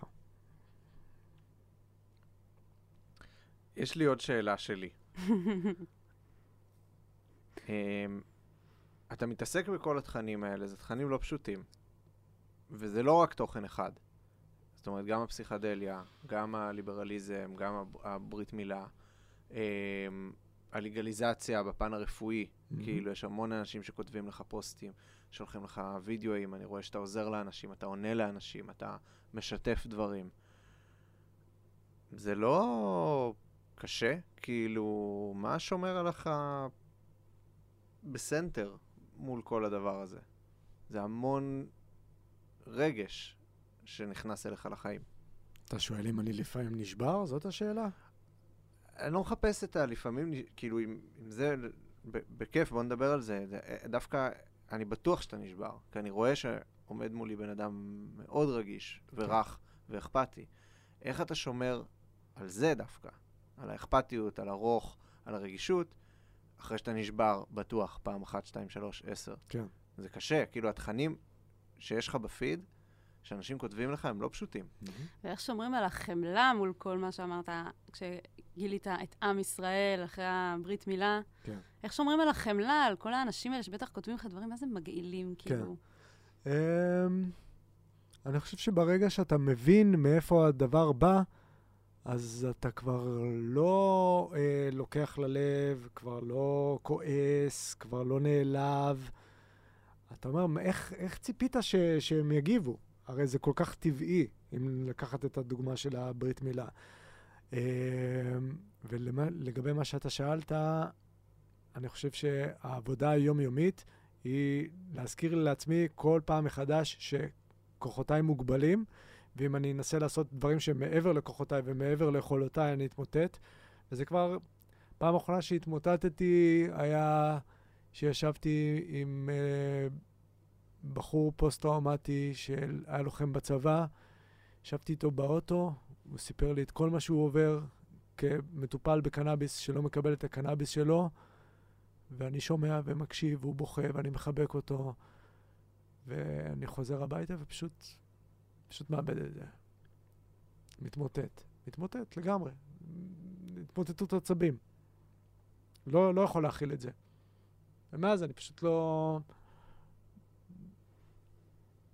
לא יושב עם פוסט-טראומטים ב...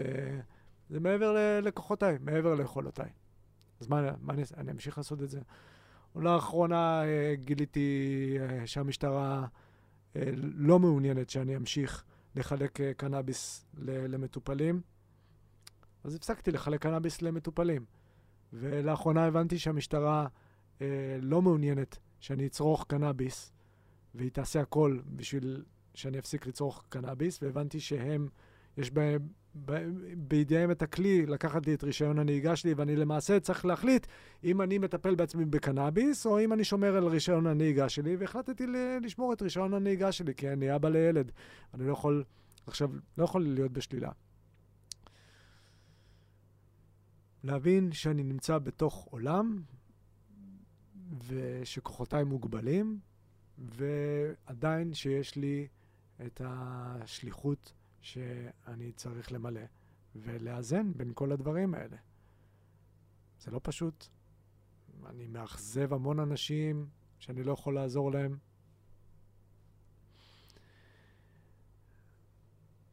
זה ממש נשמע כאילו, ה... ואני אומר את זה בקטע הכי טוב, כאילו הגיבור על מבין שהוא בן אדם אמיתי, ו...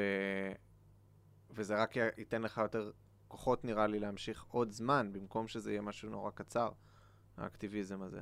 אני נורא לא רציתי להיות בן אדם רגיל, והחלום הזה הת- התנפץ לי ביום שהבן שלי נולד. אה, זה נשמע כאילו אני אומר, אני כאילו אומר את זה בצער, אני לא אומר את זה בצער. אני, להפך, אני מאושר על זה ש... שהבן שלי נולד ושהוא, שהוא פה, ושהוא גרם לי להבין שאני בסך הכל בן אדם, ושאני לא גיבור על. אה, אבל uh, לפעמים אני... כשאני מביא לו את הבקבוק באמצע הלילה, אני חושב כזה על... הלוואי שהייתי יכול לעשות יותר. תמיד, תמיד יש לי מחשבות כאלה של הלוואי שהייתי יכול לעשות יותר, כי אין הרבה אנשים שעושים. ובאמת שכאילו הייתי משחרר את זה אם היו יותר אנשים ש... שעושים. אני מאז שהוא נולד, באמת, לא רוצה את המלחמות, לא רוצה את הבלגנים, כבר לא נדלק מלעמוד בראש, בראש uh, ציבור שעומד מול המשטרה, מול השר הזה או זה. פשוט רוצה לשבת עם הילד שלי על החוף בגואה, לאכול בננות ואננסים, זה מה שאני רוצה לעשות. הלוואי שהיו יותר אנשים שמב... שיבינו שאין בי שום דבר מיוחד. שמה שאני עושה, כל אחד יכול לעשות אם, אם, אם הוא מספיק ירצה לעשות את זה. ובמקום להפנות אליי את הזרקור כל פעם שקשה או שצריך משהו, פשוט תבינו שאני בסך הכל בן אדם. במה אני שונה מכם? במה?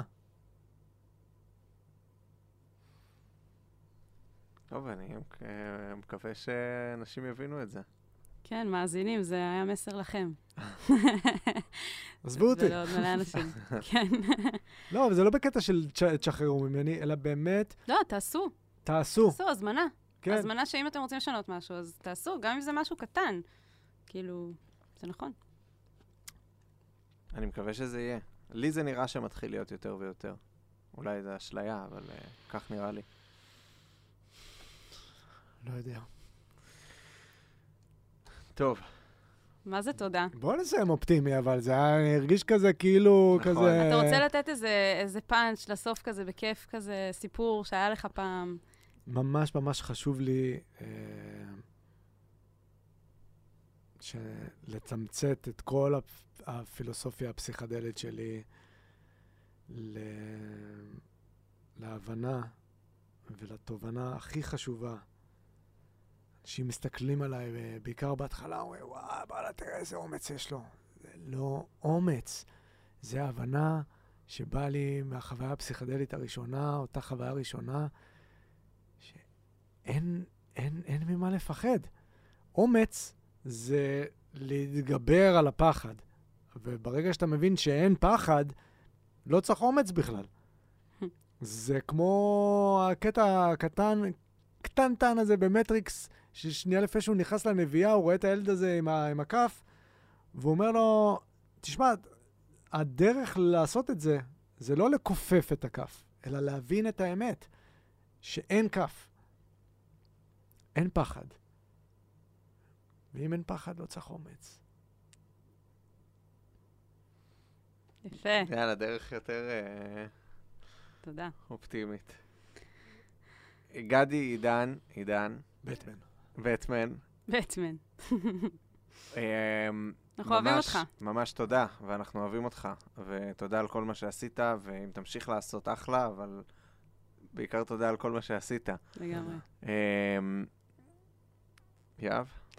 אנחנו מאוד מתרגשים, אני, אני לא מבינה איך לא ראיינו אותך עד עכשיו. זה, זה מרגש אותי שהולכים להרבה אנשים לשמוע את כל מה שאמרת, כי זה באמת... אה, אנחנו מאוד מאמינים בזה, שנינו, גם. אז תודה. ותעשו אוקיי. צחוקים. כן. צחוקים. הכי חשוב. הומור זה הכי חשוב. צחוקים, תמיד. צחוקים. לפני הכל, אתם יודעים, יש לי קטע, אמ, אני, אין לי כמעט שום הרגל קבוע אמ, חוץ משני דברים. אחד, כשאני קם בבוקר, ו... יש, טוב, יש ימים שאני מפספס, אבל רוב הפעמים כשאני קם בבוקר, אני מסתכל למעלה ואני אומר, יש, תודה. ולא אה, כזה תודה על הידיים, לא, יש, יש, תודה. והדבר השני שאני מקפיד לעשות כמעט כל ערב, זה כשנצא מהמקלחת ויש עדים על, ה, על המראה, לוקח את הזרת שלי וכותב על המראה, אני מחזק את מה שכתבתי לפני, יום לפני זה וב, ו, וביומיים לפני זה ושנים אחורה, אני כותב עם הזרת צחוקים על, ה, על המראה. מעולה. לא משנה מה. צחוקים, פרופורציה, חיוך, שמחה, ולא כי מוכרחים, כי אפשר. תודה. תודה רבה. תודה